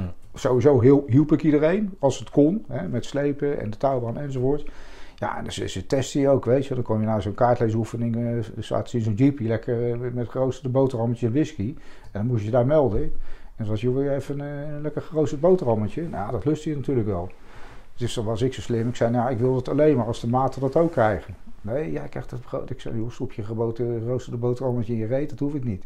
Nou, niet met zoveel woorden, maar dat zien ze natuurlijk wel, weet je wel. En ze zien ook dat je gewoon uh, zorgt dat dat, uh, dat team een beetje lekker bij elkaar blijft. En dat is belangrijk. Plus dat ik een hele goede zijne ondernemer was. Ja. Dat hadden ze natuurlijk ook nodig. Hey, die, die functie die je, functie, functie, maar die rol die je daar vervulde. Sorry. Gezondheid. Dank je. Wil je wat drinken trouwens? Nee, dank je. Ah, de rol die jij daar toen vervulde, uh, tijdens zo'n reunie, hè, dus ben jij dan in diezelfde rol? Val je dan weer in diezelfde rol? Ja, ja, ja. Ja, ja dat zorg ik gewoon dat wat te lachen valt natuurlijk. Oké. Trouwens, wij zijn ook altijd, dus Martin en Ipo en ik zijn altijd initiatiefnemers. Als er een reunietje georganiseerd wordt of iets anders gekkigheid, dan doen wij dat. Oké. En de rest die komt wel, maar niemand zal het initiatief nemen om dat ook te organiseren. Maar wat wil, het, wat wil je daarmee zeggen? Nou, dat wij de, de gangmakers zijn van het peloton. En dat waren toen ook al, omdat je vraagt... Ja, nee, oké, maar... Die rol, ja, die rol heb ik nog ja, op, op, een gegeven moment, als, men, als drie mensen zo prominent aanwezig zijn... Ja, dan zou ik ook niet voelen waarom ik het dan uit jullie handen zou moeten nemen. Want jullie vinden dat dus kennelijk leuk. Dat vinden we leuk. Ja, ja, toch? Tuurlijk. Ja, oké. Niks aan de hand. hey, uh, wat, wat was jouw... Uh, wat, wat, wat, wilde je beroepswoorden of zo? Of, of Nee, dat Want je begon het steeds leuker te vinden, ja, ik vond het leuk, maar vooral ook door dat peloton wat we hadden. En ik dacht, uh, als je beroeps wordt, sowieso ik wat andere plannen met mijn leven. Want in a way is dat, uh, de Defensie heeft toch wel is, is een beperkt wereldje, vind ik. Het feit dat je dus niet meer met je maten bent. En dat je, ja, ik hoorde dus dat je een soort carrière gaat maken. En dan zit je ineens bij panzerinfanterie en dit en dat. Dus het is helemaal niet gezegd dat je bij het KCT blijft. Maar je hebt het dus wel overwogen? Het is wel de, de revue gepasseerd om het ja, zo te zeggen. ongeveer vijf minuten heb ik erover nagedacht. Ja, oké. Nee, nee, maar het is wel in lijn met wat je eerder zei natuurlijk. Ja, toch? Ja, maar dat, dat je er trots op bent, maar dat het voor de rest... Ja, en dus de, het, in feite kon je als dienstplichtige ook een beetje rotzooien. Maar als, als beroeps komt dat natuurlijk niet meer. Nee. Dus dat, nou, ja, het schijnt voldoende gedaan te zijn. Ja, maar goed, het, nee, het was niet mijn, uh, mijn, mijn plan. Ja, oké. Maar wat, wat wil je dan? Ik wilde gaan reizen en avonturen beleven. Hm. Dus dat was mijn doel. Ik dacht, als ik hier weg ben, dan eh, gaan we eens eventjes uh, de, wereld uh, bekennen, verkennen. En dat heb je gedaan? Dat heb ik gedaan, ja. Oké, wat voor manier dan? Ik heb op de grote vaart gezeten. Oh, dus toch dat... Dat, dat varen, ja. ja, dat, dat, stond op mijn bucketlist. Dus dat gaan we, ik dacht, dat gaan we even doen. Dus ik kom uit die diensttijd, na die hele enerverende tijd. En ik kwam weer eh, dus in dat constructiebedrijf waar ik die opleiding had gedaan. Ik denk, wat is dit voor een saaie bende? Hier moet ik weg. Dit, uh, dit is terug naar af. Dat gaan we niet doen. Dus ik heb er binnen een week ontslag genomen. Ja, wat moest je, weet je. Ik had een uh, diploma in metaalbewerking. Dus ik heb een tijdje was, uh, voor uitzendbureaus gewerkt. En dat had ook wel iets vrijs. Hè. Dan zit je drie maanden daar, drie maanden daar. En overal leer je wat. Dat vond ik wel leuk. Maar ik dacht, ja, ik wil toch die wereld in. Dus toen heb ik gewoon een lijst met rederijen gepakt en ben ik gaan bellen. En ik zei, kunnen jullie een lasser gebruiken? Nou, toen was er een maatschappij, Kaanscheepvaart van Jumbo Shipping. En die hadden een lasser nodig. Ja, kom maar lang. Was er toen veel vaag naar... Was er veel werk? Of was er, was er werkloosheid? Of, uh, ja, dat, dat, dat, weet ik niet eens. Ik had altijd werk.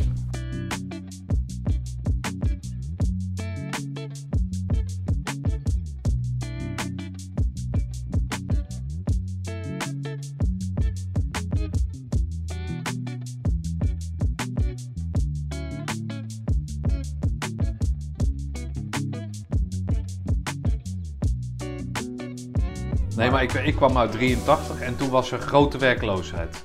Ja, ik heb altijd, uh, dat, tegenwoordig is het natuurlijk niet meer het geval, maar ik heb al zo vaak gehoord, er is werkloosheid. Ik heb daar nooit last van gehad. Nee, ik ook niet, maar het was er wel. Ja, het was er wel, ja klopt, ja, het was er wel. Ja. Nee, echt veel mensen. Echt, ja. echt, echt, nou, ik weet niet. Nou ja, dat maakt verder niet uit. Nee, maar dus, dus er was voldoende kans. Kijk, je kan altijd werken, al, al is het zwart. Maar uh, het, het, hè, je moet wel willen natuurlijk. Ja, het waren geen droombaantjes, weet je Ik stond in een van de werkplaats, stond ik uh, dingen aan elkaar te lassen. Ja. Nou, goed, maar goed, dat, dat wilde je toch? Dat vond ik prima. Ja, oké. En dan heb, je, heb je liefde? Of, heb je wel eens liefde? Wat? In die tijd, liefde.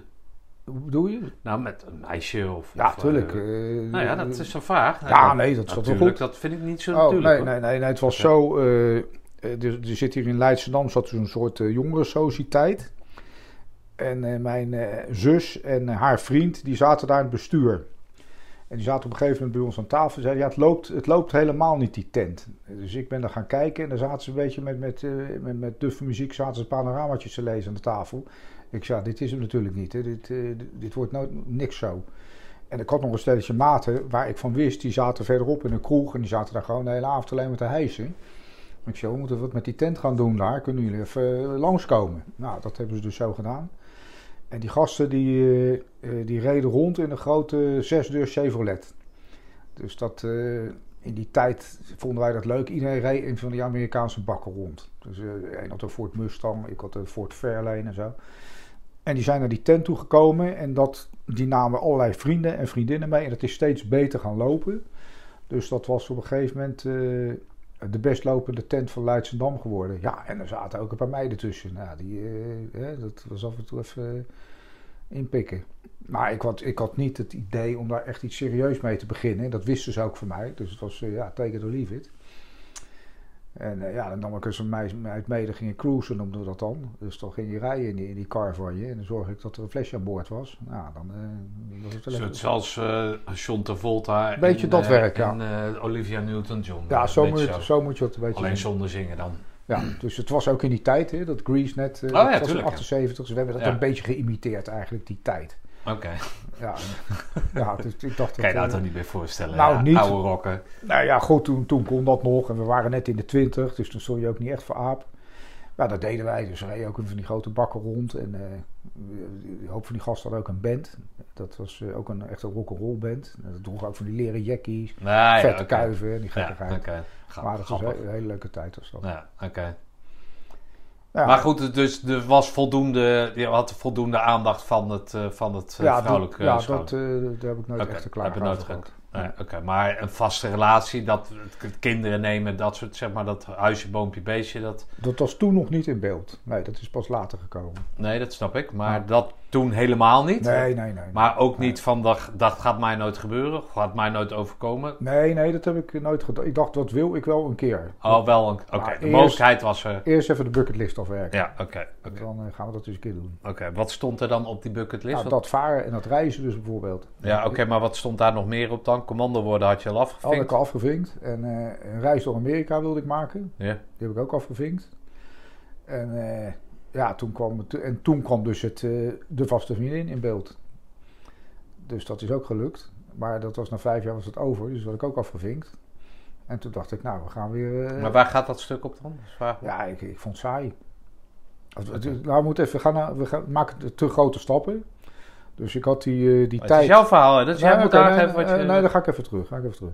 Dus we zaten in die tent, in die Grease-periode noem ik het maar eventjes. Maar ja, dat was allemaal leuk en gezellig. Ik dacht, ja, toch eventjes dat varen moet ik nog doen. Dus daar hadden we het net al over. Dus ik pak een lijst met rederijen en uh, ik ga bellen. Heb je nog een lasten nodig? Ja, dat kon bij Jumbo Shipping. Nou, kom maar langs. Dus ik daarheen gekeurd worden en ik kon, uh, ik kon dus van boot op. Dus ik werd op het vliegtuig. Eerst heb ik een afscheidsfeestje gegeven. En uh, dan ben ik ontzettend dronken geworden. Dus ik stond de volgende dag met een kater op Schiphol. En toen ging die vlucht die ging naar Saudi-Arabië toe. Nou, ik stap dat vliegtuig uit. Het leek of, of ik in de hel terecht was gekomen, zo heet als dat het daar was. en toen gingen we met een boot, dus die boot lag in de Persische Golf voor anker. Hij ging met een boot naar, die, naar het schip toe. Ik helemaal zo uh, tollend met mijn kop. En ik dacht, nou, ik word er een beetje welkom geheten, een beetje ingewerkt. Ja, niet. Hij zei, trek je overal maar aan en pak maar een snijbrander en uh, hartstikke idee, gaan we gaan aan het werk. Stond ik met, met, met mijn overdronken kop dat te doen. Dus uh, het begon al niet helemaal goed. En we zouden dus een hele wereldreis gaan maken. En toen, toen voeren we die Persische golf uit. Toen bleek dus dat we teruggingen naar Rotterdam. Want je wist, het was wilde vaart. Je wist nooit van tevoren waar je heen ging. En ja, en ik stond natuurlijk onwijs voor lul. Want ik eh, met een hoop tam, tam ik ga een half jaar weg en ik ga de hele wereld verkennen. En stond ik weer uh, in Rotterdam. Dus dat vond ik helemaal, ja, dat vond ik teleurstellend. En toen werd ik op de Middellandse Zee, er stond een waanzinnige storm. En toen werd ik toch zeeziek. Niet normaal. Want die boot die moest ook uh, netjes eruit zien. Want het personeel van Rotterdam kwam aan boord. En, en ik moest gaan schilderen. Ik was lasser aan boord. Maar tijdens het varen viel er niet zoveel te lassen. Dat deed ik alleen in de haven. Nou, stond ik aan met, met, met, eh, met zijn rolletje verf, alles netjes te schilderen. En in eh, die, machinekamer ook, zo'n diesellucht. En dat schip, dat ging keer En ik lag daar te kotsen. Dus ik dacht, weet je wat ik doe? We gaan Rotterdam. Ik stap gelijk van boord. Bekijk het maar. Nou, dus ik nam de zak. En toen was het, ja, maar je, je bent net aan boord. Je moet eraan wennen. En je moet even doorgaan. Het is een beetje hetzelfde als in dat ECO. Nou, oké, ik ga door. Ik ben aangemonsterd. Toen gingen we naar Tunesië toe. Weer terug naar Rotterdam. Zeg, nou ben ik er klaar mee. Dus heb ik de zak genomen. Maar ik had dus die, die, die vaarervaring, al was het maar twee maanden. En ik moet zeggen, ik had ook wel een beetje heimwee. Want ik zat daar in, in mijn hut van, uh, van 2 bij 3 meter op een vrijdagavond. Ik wist dat die gasten, die waren lekker aan het uh, feestvieren. Terwijl ik daar zat in mijn uppie op die boot. Dus dat uh, vond ik ook niet zo feestelijk. En toen had ik dus met een van die vrienden van mij het plan opgevat. Wij gaan een reis door Amerika maken, coast to coast. Nou, kost natuurlijk bakken met geld. Ja. En dat had ik niet. Ik werkte, die baantjes bij die uitzendbureaus, dat schoof nog niet zo heel goed. Dus hij zei, nou weet je wat je doet? Uh, hij, was, hij werkte bij een pannenkoekenrestaurant in Scheveningen, op de boulevard. Hij zei, ga je de bediening in, zakken vullen. Ik zei, nou, gaan we dat doen. Dus uh, ik die bediening in, was het alleen maar shit weer. Het enige wat je verdiende was je commissie, of althans wat je omzette. Ja, ja fooi en wat... Oh, en, en een gedeelte van je... Ja, ja, oké. Nou, ik zei, joh, ik moet weer wat anders verzinnen. Ik weet maar één manier om uh, geld te verdienen, is varen weer. Dus ik weer terug naar die tent. Kan ik nog een keer? Ja hoor, kom maar. nou, ik kon dus uh, weer aanmonsteren, dus dat heb ik weer gedaan. Nee. Uh, ik wist inmiddels wat het varen was, dus het was niet meer. Uh, ik wist wat me te wachten stond. Toen ben ik naar Singapore gevlogen. En toen heb ik een hele mooie reis gemaakt van vier maanden. Tussen Japan, Indonesië, nou, noem maar op. En wat vervoerden jullie dan? Groot, groot stukgoed was dat. Dus onderdelen van raffinaderijen, fabrieken, bruggen, schepen. En dat was hun specialiteit. En dat spul dat moest vastgeshort worden. Dus overal moest ik ogen lassen. Hmm. Dus er was een ladinginspecteur die bepaalde waar die ogen moesten komen. En dan werd dat met kabels en van die spanschroef werd dat vastgeshort. Ja, ja, okay. Die lading van boord en dan moesten al die ogen weer weg. Ja.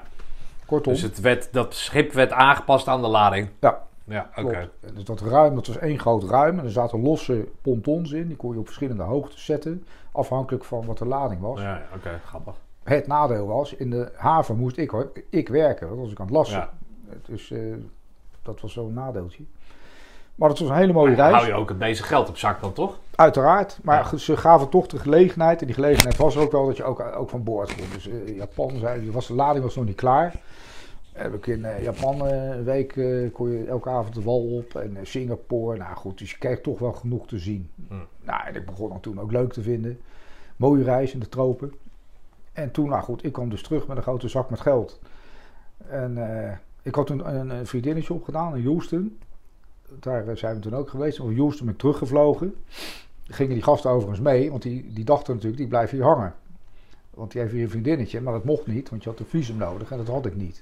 Dus ik werd echt onder begeleiding naar het vliegveld gebracht, dat ze zeker wisten dat ik wegging. Nou, ik op dat vliegtuig, doei, die is weg. Dus ik moest in, uh, hier in Nederland weer een kaartje kopen terug naar Amerika met die maat van me zijn we naar New York gevlogen en hebben een grote Oldsmobile gekocht. En toen zijn we gewoon eh, dwars door Amerika gereden, een paar maanden lang. Oké. Dus die, dat was ook een bucketlist. Ja, dat was heel avontuurlijk. En uh, ja, we waren Maar de vriendinnen speelden verder geen rol? Dat vriendinnetje in Houston ben ik nog even langs ah, geweest. Oh, oké. Maar dat niet in je verdere leven? Nee, dat was gewoon oh, even... Okay. Nou, ja, dat was een, een beetje spielerij. Oké. En uh, nou, dat was een hele mooie reis, hè, veel gezien. Grand Canyon, nou, noem maar op. En toen, uh, toen hadden we het idee opgevat met z'n tweeën om een bedrijf te beginnen. Ja, wat dan? Ja, eventueel een, een autosloperij die als een supermarkt werkt. Dus we waren ook naar die autosloperijen geweest daar, want ik ben een heel groot autoliefhebber. Uh, maar we gaan het zo doen dat je niet uh, in, de, in de regen op je rug een of andere versnellingsbak loopt te demonteren, zoals het vaak is. Wij demonteren die auto's, maken daar een supermarkt van en dan kan je daar dus je onderdelen. Wat tegenwoordig ook zo werkt trouwens. Oh ja? Dus dat was ons plan. Dus tweedehandse onderdelen worden zeg maar weggezet in, de, in de rekken en, en, dat soort zaken. En dan hoef je zelf niet meer op te slopen. Precies. Ja, ja oké. Dus dat was ons idee. Ik dacht daarna vind ik het nog een beetje leuk om uh, misschien van die oude bakken te importeren. En, uh, nou, een beetje, maar het was niet een vast omlijnd plan, maar dat, dat was een beetje het idee. Alleen ik had voordat we weggingen, ik had, ik had zo'n, uh, ook zo'n Amerikaanse slee gekocht, zo'n Ford Torino. En die had ik met mijn dronken kop tegen een lantaarnpaal geparkeerd. Dus uh, die stond daar nog. Ik dacht, ja, ik moet wat met die kar. Of ik gooi hem weg, of ik knap hem op. Ik dacht, weet je wat, ik knap hem op. He, dan uh, ik kon er geen afscheid van nemen. Nou, en dat, dat liep uit de hand. Dat is gewoon een restauratieproject geweest een paar maanden. En toen dacht die maat van ja, ik ga niet op de gozer zitten wachten. Dus die ging zijn eigen weg. Nou ja, en ik was met die auto bezig. Dat, uh, dat was achteraf misschien niet zo'n goed idee, maar goed, het was niet anders. En uh, hij is in, uh, in, de computers gegaan en die vent die, die is inmiddels miljonair. En die hoeft niet meer te werken. Maar goed, die is een hele andere kant op gegaan, in feite. En dit terwijl ik zat te kloten aan die auto. Ja, nou ja, goed. Was leuk en het ding is hartstikke mooi geworden. Ik heb er nog jarenlang in gereden. Nou, en toen had ik zoiets van, uh, nou, nou wordt het wel tijd voor mijn vriendin. Een beetje vasteruit. Dus toen kwam ik ook een meisje tegen en uh, daar heb ik verkeer mee gehad. Ik dacht, ja, moet toch een beetje carrière maken ook. Dus ik ging weer naar een uitzendbureau voor uh, een of ander lasklusje. En er zat ze mij achter de balie. Ja, die wist van toeten nog blazen. Ik zie ook mij die technische man hier, want jij weet niet waar we het over hebben hier. Ja, die is er niet. Ik zeg, nou, dan wordt het tijd dat jullie die technische man hier neerzetten. En die staat hier voor je. Dus ik stel voor dat ik hier intercedent word op de technische afdeling. Nou, dat gaat zomaar niet. Hoofdkantoor, dit en dat. Nou, u kunt geen intercedent worden, maar we hebben een leuk klusje voor je. En dat was hoofdtechnische dienst bij een verzorgingstehuis. Al bij het verzorgingstehuis, ja. Ja, dus het was een uitzendbaan met uitzicht op een vaste functie. Ik denk, nou, ik, ik pak die eh, uitdaging, anders sta ik over tien jaar nog in die werkplaats. En dat, uh, daar ben ik al klaar mee. Nou, dat was een uh, moeilijke periode, want ik was ineens verantwoordelijk voor alle onderhoud daar. Liften, cv-installatie, ik moest leiding geven aan drie man. Was ik ook niet gewend. Die gasten waren veel ouder uh, dan ik, dus ik dacht, wat is het voor snotneus? En ik kon niet organiseren, ik kon niet plannen, niks. Nou, dus dat, moest ik in de praktijk leren. Maar ja, in die, in die tijd had ik dus ook die verkering. Dus ik had die verkering, ik had die, die zware baan. En ik dacht van, nou, dit ga ik ook niet al te lang doen. Ik wil wat anders. Nou, zoeken in kranten, wat is er allemaal nog meer? En ik zag dus bij al die functies waar ik dacht geschikt voor te zijn, volgens een MTS-opleiding. Ik zag, nou, kiezen of delen, ik ga die MTS doen. Dus ik heb de avond-MTS gedaan. Dat was, okay. dat was vier jaar lang, drie avonden per week. Genoeg man. Ja, goed, ik heb die prijs ook betaald. En uh, uh, ja, die verkering ging uit inmiddels, want ik, ik was daar een beetje klaar mee. En toen heb ik weer een andere baan genomen, ook als hoofdtechnische dienst ergens. Ik heb dat, die MTS heb ik afgemaakt. Dat, dat was zoiets, ik dacht van, ik zal dit halen, wat er ook gebeurt. Hmm. Dus het is me gelukt, maar toen had ik zo, was ik er zo ontzettend klaar mee met alles. Ik dacht, wat er ook gebeurt, ik kap hiermee, ik stop ermee, ik ga reizen, whatever. En ik had een zwager, die had een uh, reisbureautje. Turkije, avonturen, trektochten. Dacht, nou, dat, is, uh, dat vind ik wel wat. Dus uh, daar ben ik reisleider geworden op zo'n bus. En die vent, die, hij was mijn zwager destijds, was met mijn zus getrouwd. En die zei, nou, dat, dat kan je wel. Dus ik um, drie weken met hem zo'n reisje gedraaid met uh, 17 uh, mensen aan boord. Dat waren die toeristen. Nou, snap je het? Ja, ik zei, ik snap het. Oké, volgende week weer aan de beurt. En dan in het Nederlands? Of, het waren Nederlandse of mensen. Engels? Nee, het waren Nederlandse mensen. Oh, okay. Die boekten in, Nederland een avontuurtrek ja, ja, door okay. Turkije heen. Ja, okay. Nou, dus hij zei, uh, in Istanbul staat er een bus voor je klaar. Jij moet die mensen ophalen van het vliegveld. En dan uh, ga je die reis doen. Dus ik kreeg op een A4'tje de reisbeschrijving op. Nou, dus bij, uh, je rijdt eerst richting Ankara en naar uh, 300 kilometer ga je linksaf en dan ga je richting uh, Diobiage. Dat weet ik, dat, dat was wat, wat ik kreeg, meer niet. En ik naar, er was een camping, daar stond die bus. Nou, er zat geen voor- of achteruit aan dat ding. Er zaten geen banken in, niks. Geen gordijntjes voor de, voor de ramen. En die mensen die kwamen binnen een week aan. Dacht, shit. Dus ik met die bus Istanbul ingereden een constructiewerkplaats uitgezocht, ergens. Ik sprak geen woord Turks, dus ik heb met handen voeten die gasten uitgelegd hoe ze die, dat die bankjes erin gelast moesten worden enzovoort. Nou, het is me allemaal gelukt. Nou, schilderen en mensen opgehaald van het vlieg, uh, vliegveld. En toen zei ik van, zijn er nog dames uh, een beetje handig met naald en draad? Want er moeten gordijntjes gemaakt worden. hebben die mensen hebben die gordijntjes zitten maken. En op een of andere markt afvalstijltjes gekocht en stoeltjes en een hele troep. Nou, toen zijn we naar... Uh, heb ik die reis gemaakt. En nog een reis daarna, dus dat was ook een, uh, een tijdelijk iets van een paar maanden. En toen moest ik weer terug naar school. Om, dus dat was mijn laatste ja. examenjaar. Heb ik mijn MTS gehaald. Hoe oud was je toen dan? 22 of zo? Nee, toen was ik al 30. Hè? Nee, even kijken. Ja, ik was 30. Oh, je bent natuurlijk ook nog wezen varen inderdaad. Ja, ja oké. Okay. Ja. En uh, nou, toen uh, nadat uh, Turkije, ja, wat nu? Dus ik had mijn huis in Den Haag opgezegd. In die tussentijd had ik een boerenschuur gehuurd in Voorschoten. Omdat wij sleutelden. Daar stonden ja. auto's in de boven zat een zolder. Daar gebeurde niks. Die was gewoon leeg. Dus ik had daar mijn pesto neergezet. En ik moest toch wonen. Dus ik dacht, nou, ik, uh, ik leg even een matras op de grond. En ik ga hier maar zo lang zitten.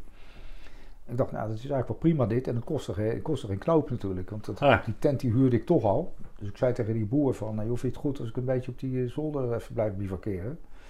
Ja, die vent was makkelijk. Hij zei, is prima, maar je hebt geen rechten. Als ik zeg dat je weg moet, ga je weg. Ik zei, deel doen we. Nou, de, daar ben ik, heb ik 14 jaar gewoond. Dus ik heb dan uh, steeds uitbreiden, weet je wat. Ik, nou, op een gegeven moment was een complete woning met een keuken en een bad. En Zat er vergunning op dan? Nee, niks. Oh, niks. Oké, dus je hebt het niet door kunnen verkopen of wat? Nee, ik huurde dat. Nee, oké. Maar ja, ik betaalde 350 gulden in die tijd. Ja. En daar woonde ik voor, daar had, had ik mijn werkplaats voor. Ja, dat was dus echt uh, uh, een vrolijke instuif daar. Want iedereen wist dat ik daar woonde. En dat was op zo'n boerenerf. En er zaten meer van die sleutelaars in van die stallen. Ja, en altijd, het is toch een andere tijd dan nu natuurlijk. Ja, tuurlijk. Ja, oké. Maar het was bij altijd zo, de koelkast was vol en iedereen kon mee eten. Dus dat was uh, altijd uh, lachen, gieren, brullen. Oké. Maar leuk, weet je, maar je, ja, je bereikt er niet echt iets mee. Ja. Maar dan neig je dus steeds meer, of je, steeds meer, je, je maakt je los van dat, van dat, dat doorsnee, om het zo maar te zeggen. En je kiest onder, het, onder, het, uh, ja, onder dwang van je eigen bucketlist kies je een aantal dingen. Ja. En dan kom je toch een beetje in dat zelfstandige leven kom je, kom je terecht. Ja, want, ik was daar tussendoor, had ik ook nog een baan. Die, dat heb ik anderhalf jaar volgehouden. In die tijd van die MTS. Uh, ja, dat was in Diemen. En dan moest ik om uh, acht uur beginnen. Dus ik moest om uh, zes uur moest ik eruit naar Diemen knallen of met de trein of met de auto. En dat duurde tot half vijf. En die school die begon om zes uur. Ja, ik, had, ik had gewoon geen leven. Ja, En daarna, toen ik eenmaal diploma had, dacht ik, ik ga nou stoppen met alles. Want uh, dit, dit, dit, is niet leuk meer. Oké. Ja, die MTS heb ik dus nooit... Althans, natuurlijk, je leert er wat van. Maar ik heb er dus niet een baan mee... Uh, gezocht verder. Mee. Nee, oké, maar je hebt in ieder geval een, een, een doel. En dan, maar in ieder geval waar het om gaat, is dat je dus je losmaakt van het geëikte door bijvoorbeeld bij een baas te gaan werken of zo. Je weet je richting, je hebt je bucketlijst af, af, afgevinkt en, hier en daar. En je weet waar je naartoe wil. En dat doe je nu nog steeds, zeg maar, in die bouw. Ja, vrijheid. Nou, bouw ben ik ook mee gestopt. Nou ja, maar bouw in het algemeen, zeg maar. Ja. we kunnen, je gaat later vertellen wat je nou precies doet natuurlijk. Maar in die bouw daar heb je altijd in opgehouden. Eigen baas. Ja. Over je eigen tijd beschikken. En uh, ja, vrijheid, dat staat mij heel hoog in het vaandel. Ja, oké. En dat, uh, ja, dat is dus uh, vrij aardig gelukt. Ja. Je bent nu 66, je bent gestopt met de bouw, zeg je? Ja. En dat komt gewoon door het fysieke wat, wat dat met zich meebrengt, toch? Ook. Nou, het heeft een paar redenen. Want toen ik daar in die garage zat, dus boven die garage woonde, toen deed ik een paar dingen. Dus ik sleutelde. Ik, ik deed uh, onderhoud aan auto's. Dus ik had een hele vaste klant, klantenkring. En ik had een vriend toen, die, die was huisschilder. En die had, eh, had mij ook wel eens nodig. Dus ik begon als huisschilder. En langzaam maar zeker ben ik die bouw ingegroeid. Dus ik werd op een gegeven moment aannemer. Ja. En die klussen werden steeds groter. Maar ik wilde dus niet een aannemersbedrijf beginnen. Want dan heb je weer te veel uh, gedoe, verantwoordelijkheden enzovoort. Dus ik deed gewoon klussen. Maar die werden steeds groter. Dus op een gegeven moment deed ik hele verbouwingen. Ja, op een gegeven moment kan je geen nee meer zeggen. Nee, dat bedoel ik. Maar dan huurde ik gewoon een paar Polen in. Ja. En die gasten, ik, ik had een paar vaste Polen. Nou, dat zijn toppers. Die gasten werken hard. Die doen wat je zegt. Weet je, ja. Nederlander gaat altijd in discussie, Pool niet. Doet gewoon wat je zegt. Jongens waren goed te betalen, dus helemaal top. Nou, dat heb ik, eh, dat heb ik eh, zo'n jaartje of tien gedaan. Oké. En dat, uh, ja, daar kon ik van leven. En toen uh, heb ik op een gegeven moment Mike ontmoet, dus mijn huidige vrouw. En die, die zei van, nou, zij, zij is ook heel avontuurlijk aangelegd. En ja, die vond het wel prima. Daarvoor had ik, had ik ook wel vriendinnen die vonden er maar niks zo'n vent die op die zolder woonde en geen vaste banen enzovoort, daar konden ze niet tegen. Dus dat was vrij snel afgelopen. Okay. Maar Meike die vond dat wel leuk. Die was, ja. was, zelfde geest. Zelfde geest, zelfde hobby's, zelfde soort werk ook wat ze deed. Ja, Want zij is uh, binnenhuisarchitect, toch? Ja, klopt. Ja, oké. Dus dat... ook s'avonds had ze de kunstacademie gedaan. En ja. Uh, ja, we hadden veel meer raakvlakken. Okay. En ze vond het allemaal leuk en best. En uh, die is, op een gegeven moment is ze ingetrokken op die zolder. Dus we hebben een anderhalf jaar samen gewoond. Oké. Ja, totdat we zoiets hadden van uh, we gaan uh, nou toch wat serieus doen met elkaar. Want dan ben jij dan, dan ben jij, uh, het, je hebt het verteld, hè? je bent dan 45, 46. Ja, ja, die kant ga je Ja, oké. Okay. Nou, dat wordt wel tijd om een beetje bij zinnen te komen, zou je zeggen. Bij zinnen komen betekent een kind maken. Ja, dat onder andere. Dat wil, heb ik altijd ja. al gewild. Oh, dat wilde je wel? Ja, ja, ja absoluut. Ja. Nee, maar ik, ik had zoiets van, dat komt wel een keer. Ja, ja okay. Wanneer, dat weet je niet. En dit, ja, ik dacht met deze vrouw... Maar daar hoort de juiste vrouw bij. Daar hoort het opdrogen van, je, van, van, van die, al die wilde avonturen die je wil beleven. Ja. En zeg maar rustig vaarwater. En daar waren jullie in beland.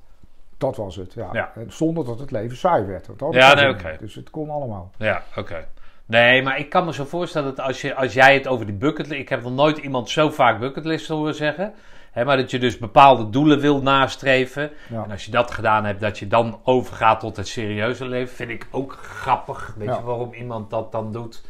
Maar dan, dan kom je natuurlijk in een rustige vaarwater. Ja, is zo. Ja, toch? En rustig vaarwater heb je nodig om een kind. Want een kind kan je niet meenemen in de avontuur. Nee. Nou, ik ken genoeg mensen die dat wel doen. Eén wat, is daar wat gelukkiger in dan de ander. Dat maakt verder niet uit. Maar jullie kiezen ervoor, of jij kiest ervoor om dan in dat kalm, in die kalmte een kind te, te verwekken. Ja, ja. oké. Ja, dat is ook gebeurd. Hè. Het, was, uh, het was. En toen woonde nog op die zolder. Ik ja, maar dit, uh, dit kan niet. Dus we moeten een huis gaan kopen. En uh, ja, zo zijn we hier terecht gekomen eigenlijk. Ja, oké. Ja, en hier is, ja, had je Leidsendam, hè? Of, oh, ja, ik ken het niet, maar dit is, dit is ingeklemd in Leidsendam, hè? In de, in de oude en de, de, nieuwe buurt, zeg maar. Ja. En het oase van rust, grote tuin. En jullie wonen in een huis wat een autospuiterij is geweest vroeger. Ja, klopt.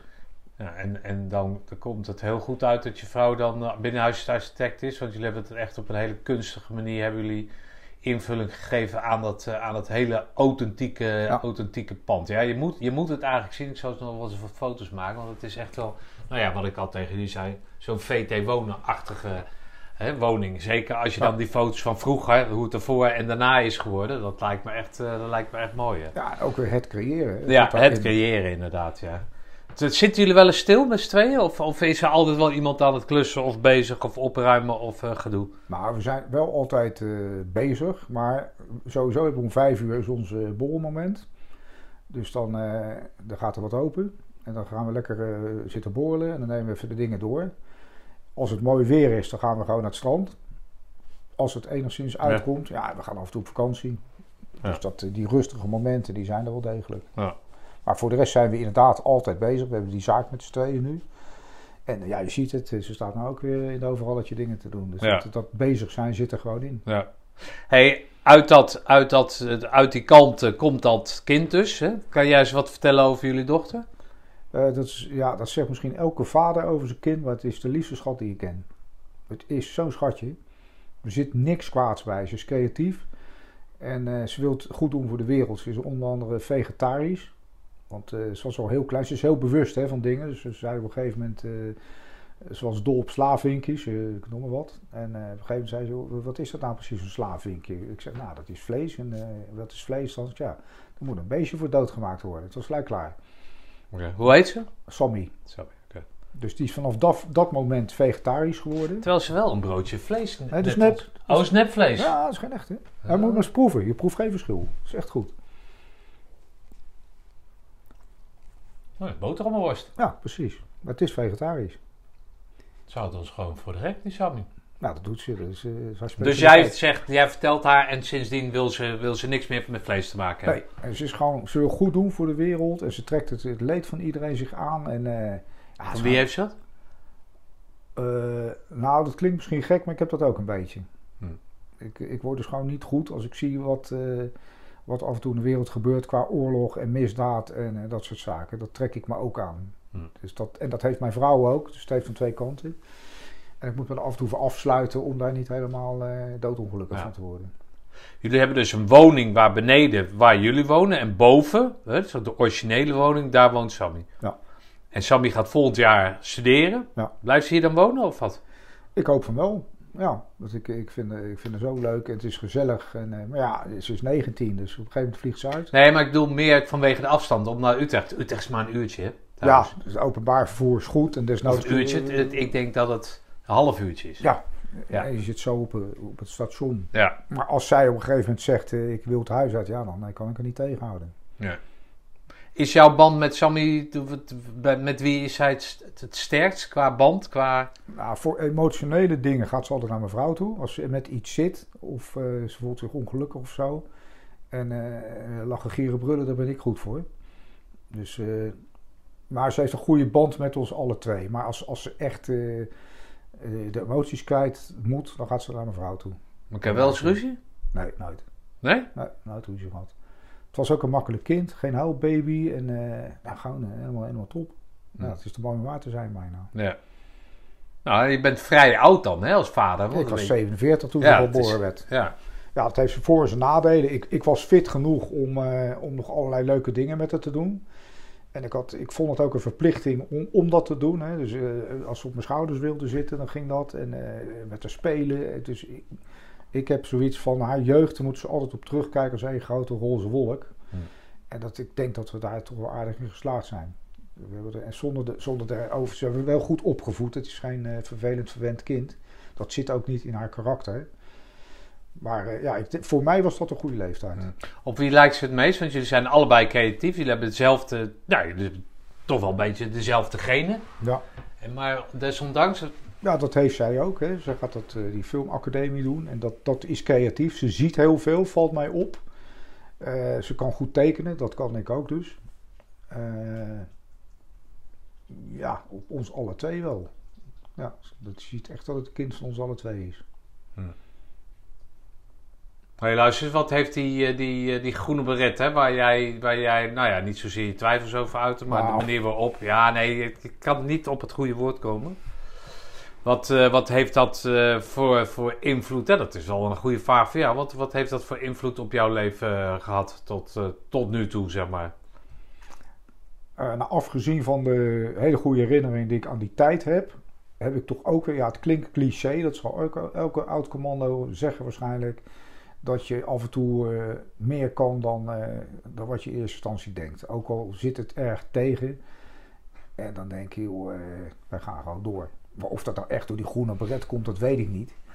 Het kan natuurlijk zijn dat dat gewoon in je karakter zit en dat dat alleen maar door die commandoopleiding naar voren gehaald wordt. En uiteraard de goede vrienden die ik dan overgehouden heb. Heb je veel vrienden dan overgehouden? Ja, zeker. Nou, je, kan, je kan eigenlijk zeggen, al die jongens van het peloton zijn vrienden. Alleen we zien elkaar heel weinig.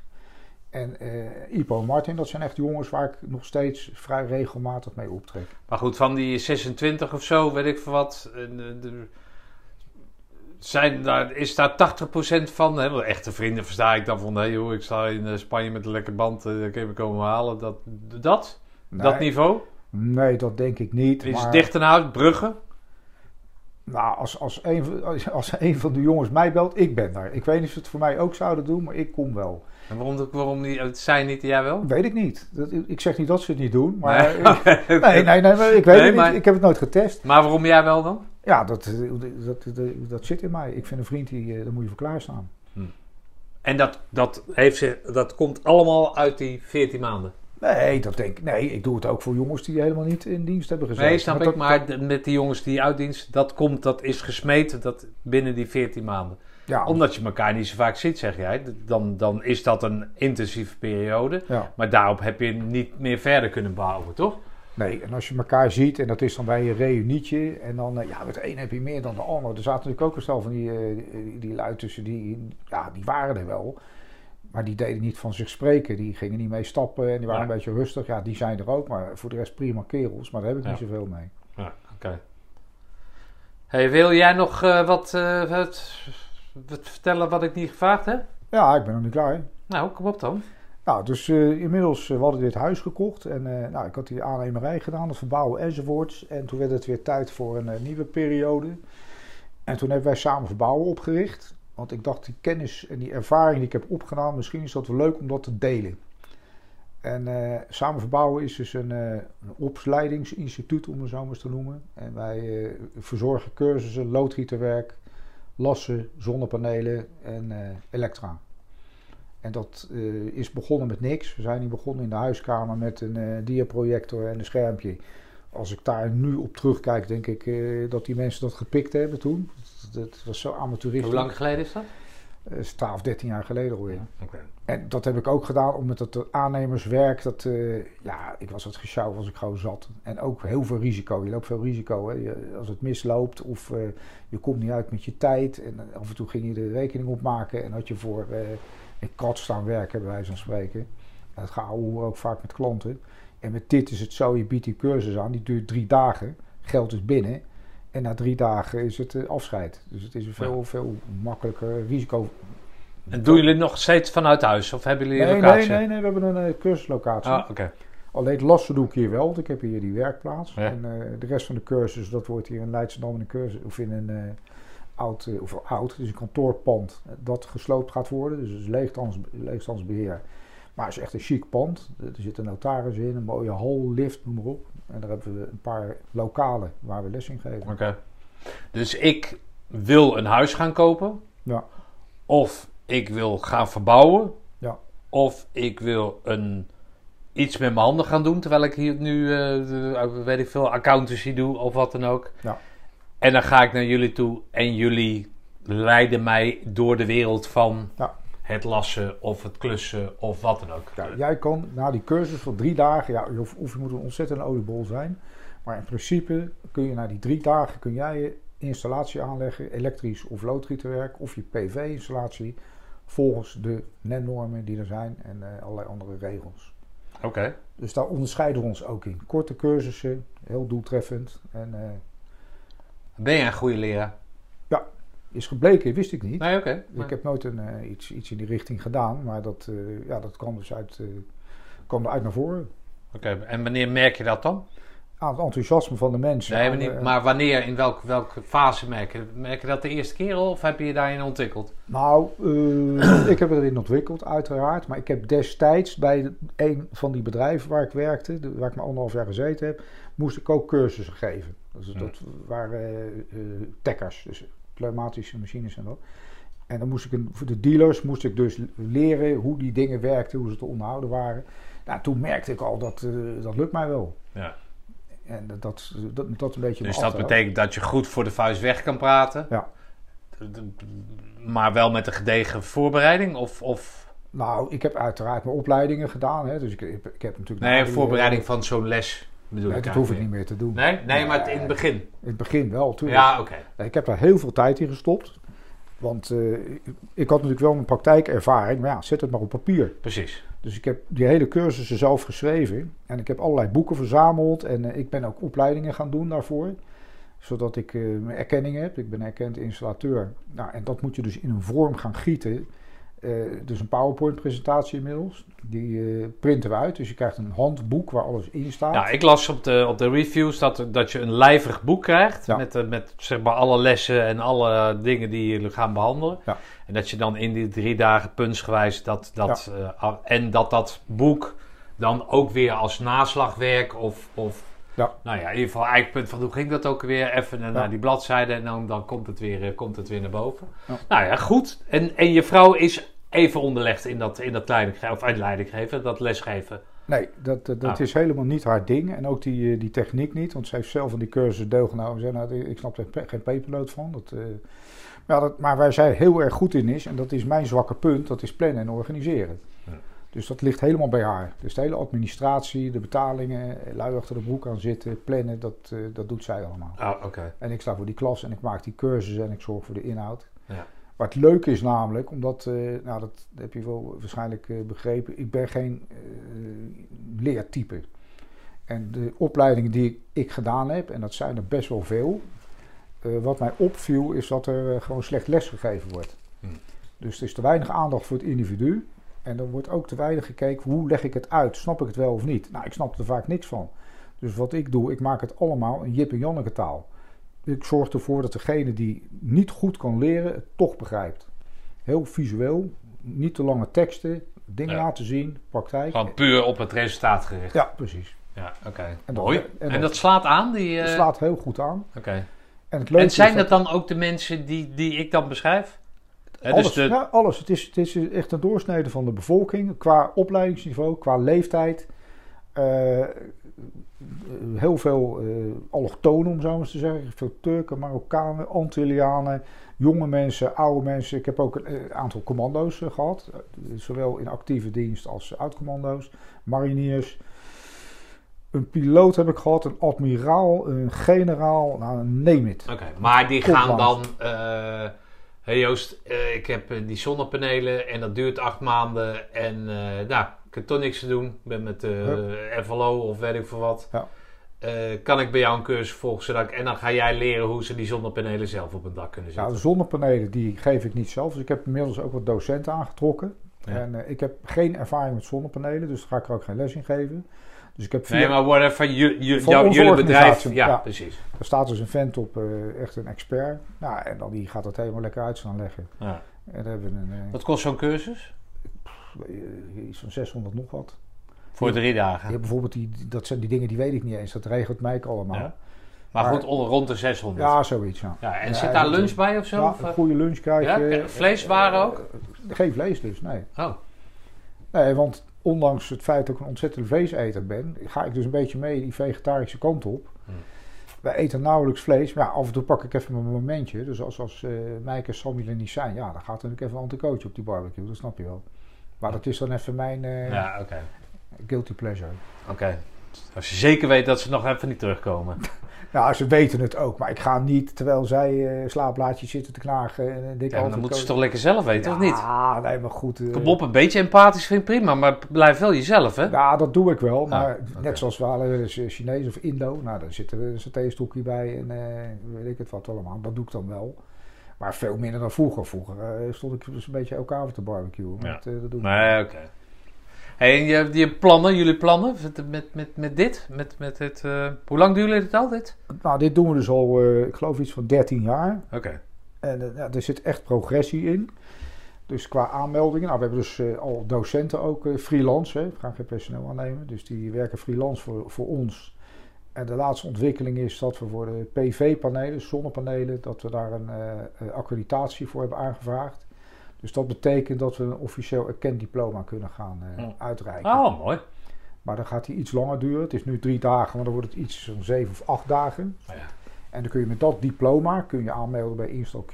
En dan kun je je erkenning aanvragen. Dat een officieel erkend opleidingsinstituut. Dus dat is en dan, kunnen die mensen die daar dat diploma halen, kunnen dan aan de gang bij een bedrijf die... Of voor zichzelf, ja. Ja, ja, oké. Nou ja, dat is, dat is wel booming business, toch? Dat is zeker booming business, want uh, ja, de zonnepanelen zijn hot hè, op dit moment. En ik zie gebeuren dat dat binnenkort uh, verplicht gaat worden. Dus dat, dat je je erkenning moet hebben om zonnepanelen te mogen plaatsen. Ja, oké. Nou, dat is al een mooie, mooie ontwikkeling dan. Is zeker. Zijn er nog meer branche of nog meer deelgebieden waar je je op wil begeven dan? Qua cursus op cursusaanbod? Nou, dat niet zozeer. Misschien laadpalen zit ik nog aan te denken. Oh ja. Uh, ja, en het is eigenlijk, ja, ik ben 66. Dus als, als ik nu 30 was geweest, dan, eh, of 35, dan had ik dit uitgebreid tot echt een hele grote tent. Maar daar heb ik geen zin meer in. Dus ik heb nou zoiets van, joh, uh, pas op de plaats. Dit, is, dit werkt goed. En als op een of andere manier, stel ik kom iemand tegen en die zegt, joh, ik ben heel goed daar of daarin. En, uh, die ja, als een aanvulling op, dan, dan kan je altijd nog besluiten. Dan zou ik dat doen, maar ik ga zelf geen cursus mee ontwikkelen okay. erbij. Hey, met, met dat bezig bijachtige gedrag van jullie, uh, komt er een periode dat jullie helemaal niks gaan doen? Dat, dat van, nou, ik loop nu naar de keukenschat, wil je ook wat hebben en dan... Nee, dat gaat niet Dat je weer terugvalt in de bank en uh, een, een videootje opzet, of videootje nee, opzet, maar nee, nee? nee? dat gaat niet gebeuren, want sowieso, ik heb het al tijdens vakantie, negen dagen voor mij de max. Dan ga ik me vervelen. Dus dan ja, weer in het strand, weer uh, op zijn terrasje, weer uit eten. Op een gegeven moment denk ik, jezus man, ik wil naar huis toe, ik wil wat doen. Weet je wel? Dus die bezigheid, dat zit er gewoon in. Dingen doen. Maar het heeft je vrouw ook? Heeft zij ook, ja. Nou, zij iets minder dan ik. Dan zij kan wat dat betreft veel meer ontspannen. Als ik één dag aan het strand heb gezeten, dan ga ik de bergen in, dan ga ik lopen. En zij kan gewoon uh, hele dagen boekjes gaan lezen op zijn strand, maar dat, uh, is aan mij niet besteed. Ja. Maar je moet gewoon je ontspanning pakken. Maar je moet dus niet aan denken dat je op een gegeven moment zegt: joh, we stoppen ermee en ik ga een beetje boekjes zitten lezen en uh, kopjes koffie zitten drinken of zo. Dat, uh, dat, ah, is, het. is, het liefste, dat is het liefste wat ik doe. Nou ja, goed. Iedereen de hele dag niks uh, doen. Ja, ik heb die commandoopleiding gedaan. Ik weet niet of je dat kent. Ja, dat was zo zwaar, jongen. Daar heb ik 40 jaar later, heb ik daar gewoon mentaal heb ik daar nog steeds een beetje last van. Ik ben nog steeds aan het bijkomen. Ik ben nog steeds een beetje aan het bijkomen. Maar ja, het was ook een der zwaarste. Dus uh, ja, ik weet niet precies uit welke lichting jij bent. Hé, hey, luister eens. Uh, wat, wat, wat, wat, dat wetende, dat je dus niet stil kan zitten, beide niet. Hoe, hoe zien jullie de toekomst dan? Ja, we blijven dit gewoon doen. En we proberen dan wel zoveel mogelijk mensen aan te trekken die dan die cursus gaan geven. Ik geef zelf ook nog steeds les trouwens. Ja, af en toe eens een keer eh, één keer in de week of in de twee weken of zo, dan vind ik het wel best. Want ik sta natuurlijk toch weer de, iedere keer hetzelfde verhaal op te hangen. En ik hoef niet zo nodig meer voor die klas te staan. Maar ik vind het wel leuk om die uh, organisatie te draaien en uh, die eventueel nog uh, wat, wat lucratiever, winstgevender te maken. Mm. Dat is dan wel weer de uitdaging. Ja, en ik heb geen pensioen natuurlijk. Hè. Nee. Maar vind je, vind je, of hebben jullie het zo gemaakt? Ja, jullie hebben het dus kennelijk zo gemaakt dat het niet persoonsgebonden is. De cursus. Het is niet van, nou, we komen voor voor Kees of Piet. Of, het, het, maakt niet uit. het, is het aanbod wat het doet. En of Joost er nou zit of uh, wie dan ook, dat maakt niet uit. Iedereen open. Dus je hebt, ja, precies. Je hebt het dus uh, uh, je hebt het hufteproef gemaakt. Het is hufteproef, dus de grootste hufte die kan binnenkomen. Ja. Dat gebeurt ook wel eens. En het grote voordeel is, ik ben in drie dagen van die hufte af. Ja. Nee, maar ik bedoel, ja. nee, maar ik bedoel hufteproef dat het dus niet persoonsgebonden is van ik kom alleen voor Joost en Joost niet is, dan kom ik niet. Je kan er gewoon iedereen. Ja, nee, maar je, je zet, ik kan, iedereen kan dat doen. Nou ja, dus ja nee, maar je snapt wat ik bedoel, toch? Ja, ik snap wat je bedoelt. Ja, dus niet iedereen, maar. Iemand die. Want wij trekken ook nieuwe mensen aan. En is de procedure is eigenlijk van. Uh, dus ik moet of iemand uh, tegenkomen waar ik van denk, dat gebeurt ook. Hè, van die, die kan dat wel. Dan kijk ik wat voor opleiding heeft hij. Wat voor persoon is het? Want ik vind wel, je moet een klik met iemand hebben, anders gaat het niet werken. Ja. En dan uh, zeg, heb je daar zin in? Kun je dat? Moeten dus wel zelfstandigen zijn, hè? want je moet er tijd voor hebben. Dan gaan ze bij mij in de klas zitten een dagje en dan gaan we praten. Wat voor je ervan? Vind je het wat? Nou, als er niks is, die heb ik ook gehad. Die, uh, dan nemen we afscheid. En uh, is er iemand die denkt, nou, dat vind ik wel wat. Dan denk ik, oké. Dan krijg je nou ons, ons cursusmateriaal. En dan ga jij een dagje voor de klas staan, of twee dagen. En ik ga in die klas zitten. Kijken hoe ja. je het doet. Oké. Ja, en als dat goed gaat, dan, dan mag hij les gaan geven bij ons. Hey, wat zijn de plannen dan verder? Nou, dit blijven we doen op deze manier. En uh, ja, ik hoop nog een beetje tijd over te kunnen houden voor hobby's. Dus die uh, auto onder andere die op de brug staat. Ja, en dat huis, dat blijft maar doorgaan. Hè? Ja. Dus dat, uh, maar ja, dat is, daarom heb je het huis ook gekocht. Precies, dus dat is alleen maar leuk. Ja, oké. Ja, af en toe eens een reisje maken. Weet je, we gaan, ja. Hoe oud wil je worden? nou, zolang ik gezond van lijf en leven blijf, zo oud mogelijk natuurlijk. Maar uh, ja, ik, ik, kan me ook voorstellen dat als je van alles gaat mankeren, dat je er geen zin meer in hebt. Maar ik hoop niet Mankeert dat, al wat bij uh, ja, eigenlijk wel. Wat dan? Ik heb prostaatkanker. Oké. Okay. Maar ik heb er geen last van, moet ik zeggen.